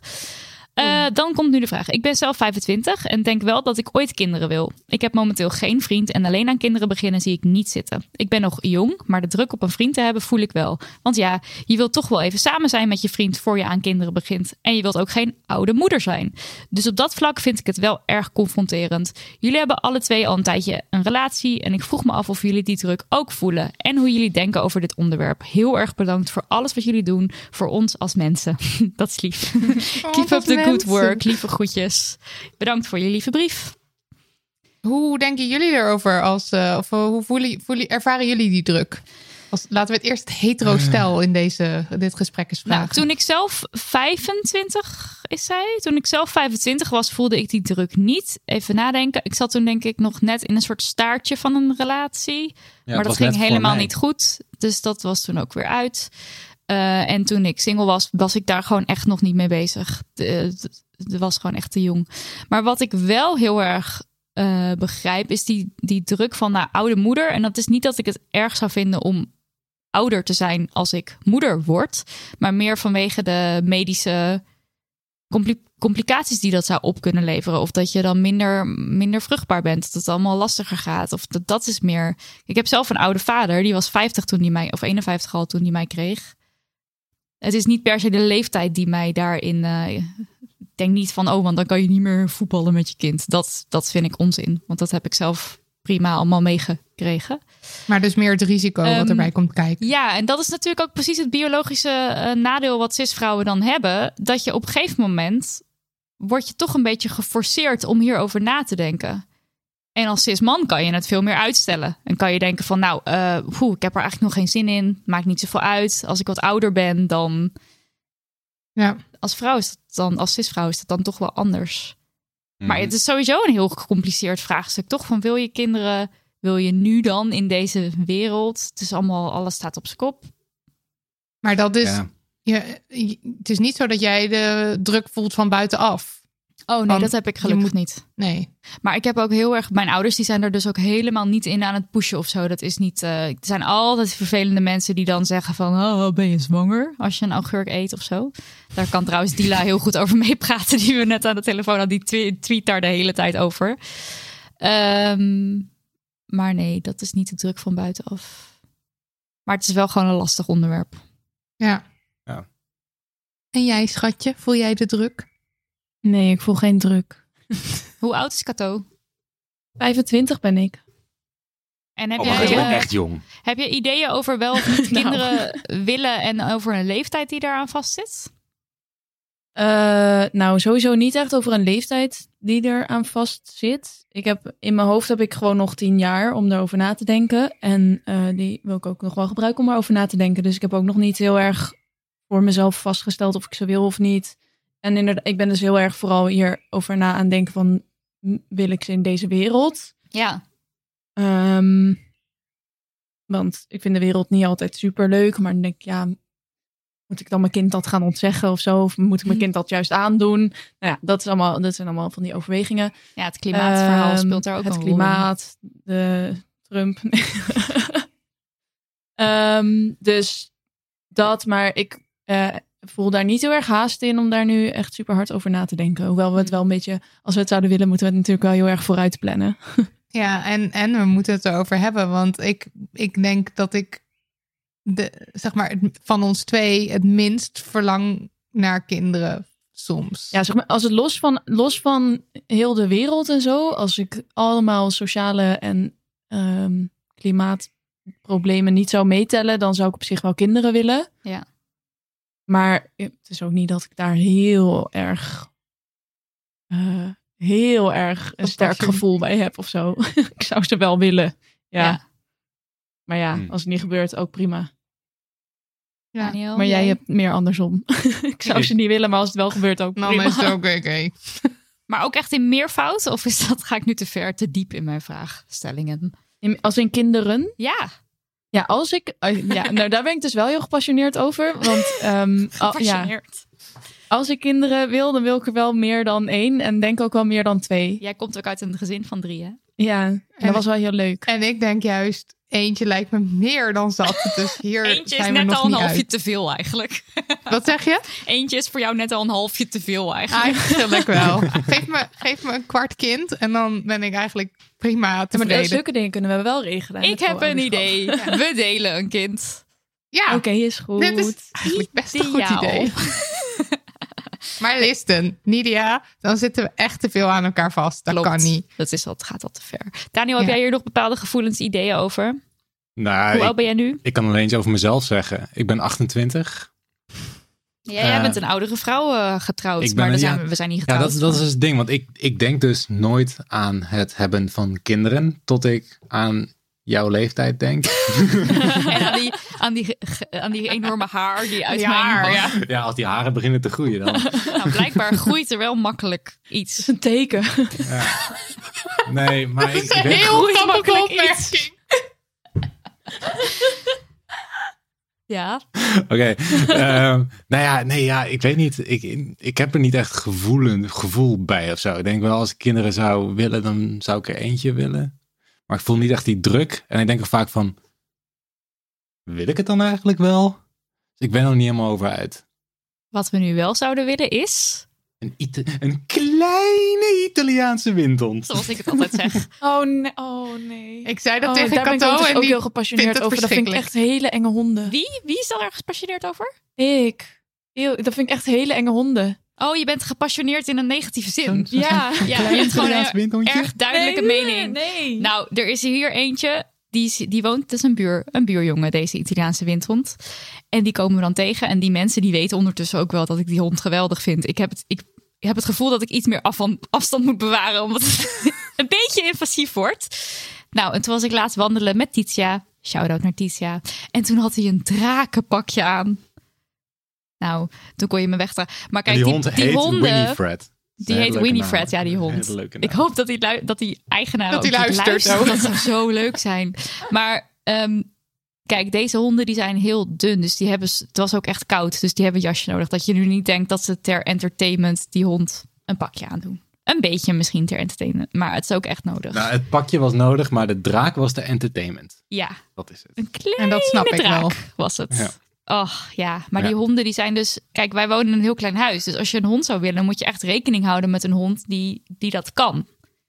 Dus we kunnen hem wel de beweging geven, maar we kunnen hem niet de omgeving geven om haar gewoon te gaan lopen. Want anders dan had jij natuurlijk al lang een eh, Border collie. eh, Ik wil zo graag een border collie. Dat kan niet in de Ja, die stad, vind ik wel leuk. ik. Ja, of een erbij. Ja, die vind ik ook geweldig. Maar, hè? Oh, maar eigenlijk moet je natuurlijk helemaal geen rashond. Ik weet, ik weet dat deze mails Of een komen. bulldog. Dus ik kan me beter nu even gelijk indekken.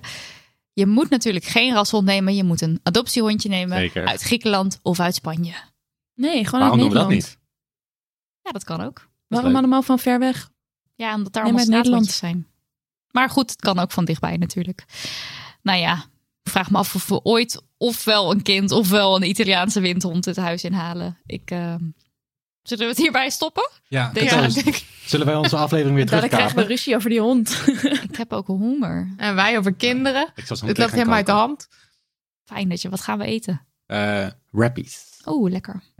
Wat gaan wij eten? Van Ja, wij dan pizza misschien Kale als we die documentaire gaan kijken. Oh ja, doe dat alsjeblieft. Ik zou het zo weer kijken. Ik heb het al twee keer gekeken trouwens. We gaan, dit, we gaan zo in overleg wat we gaan doen. Ik ben echt obsessief met haar. Zij is zo leuk.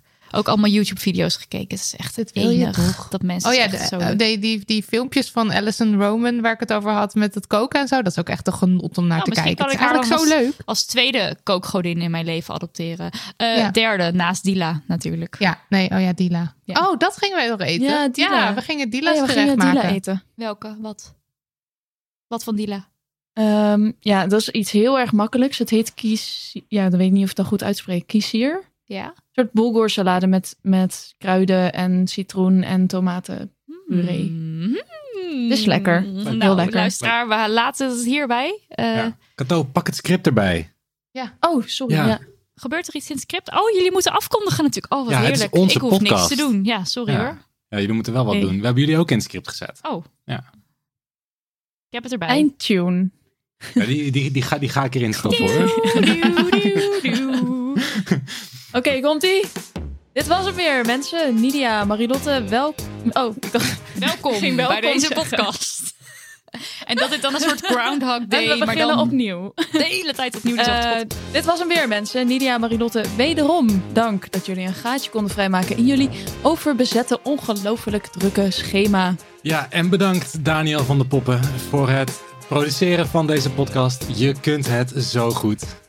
Bedankt Cato voor de emotionele ondersteuning van Marilotte. En voor vannacht. En Lucas de Gier en Lisbeth Smit voor tunes en de nieuwe website. Wat? De nieuwe website? Wat? Ja. De nieuwe website? Die is live. Ja, dit is een soort semi-onthulling, toch? Ja. Want, want dit Moeten we is te ver achter in de podcast. Dus er luisteren nu nog maar een appel en een ei. Luistert er nu nog. Nou ja, en dat appel, wordt gewaardeerd. ei, als jullie luisteren, er staat een nieuwe website live. We love jullie appeltje, eitje. Eh, ja, die website is fantastisch. Maar we zullen wel in de volgende podcast nog een keer deze review doen. Ja. Ja, oké. dat is helemaal goed. Oh, nu zijn wij weer, Marilotte. Ja, Oh, Marilotte. eh, ja, lieve luisteraars. Hou jullie taai. We love jullie, eronder. staat er ook nog. Zet hem op. Laat je hoofd niet hangen. Niet, bij de pakken neer gaan zitten. Neus in de wind. Hop, hop, schouders eronder. En laat een recensie achter op bol.com Oh, of en op dat. iTunes. En als je zin hebt om ons geld te geven, mag dat ook. Ja. Via petje.af slash damnhoney. Of doe het niet. Hartstikke zelf weten. Toedeledokie, lieve schatten, billen. Dag, boekies. Dag. Love you. Dag.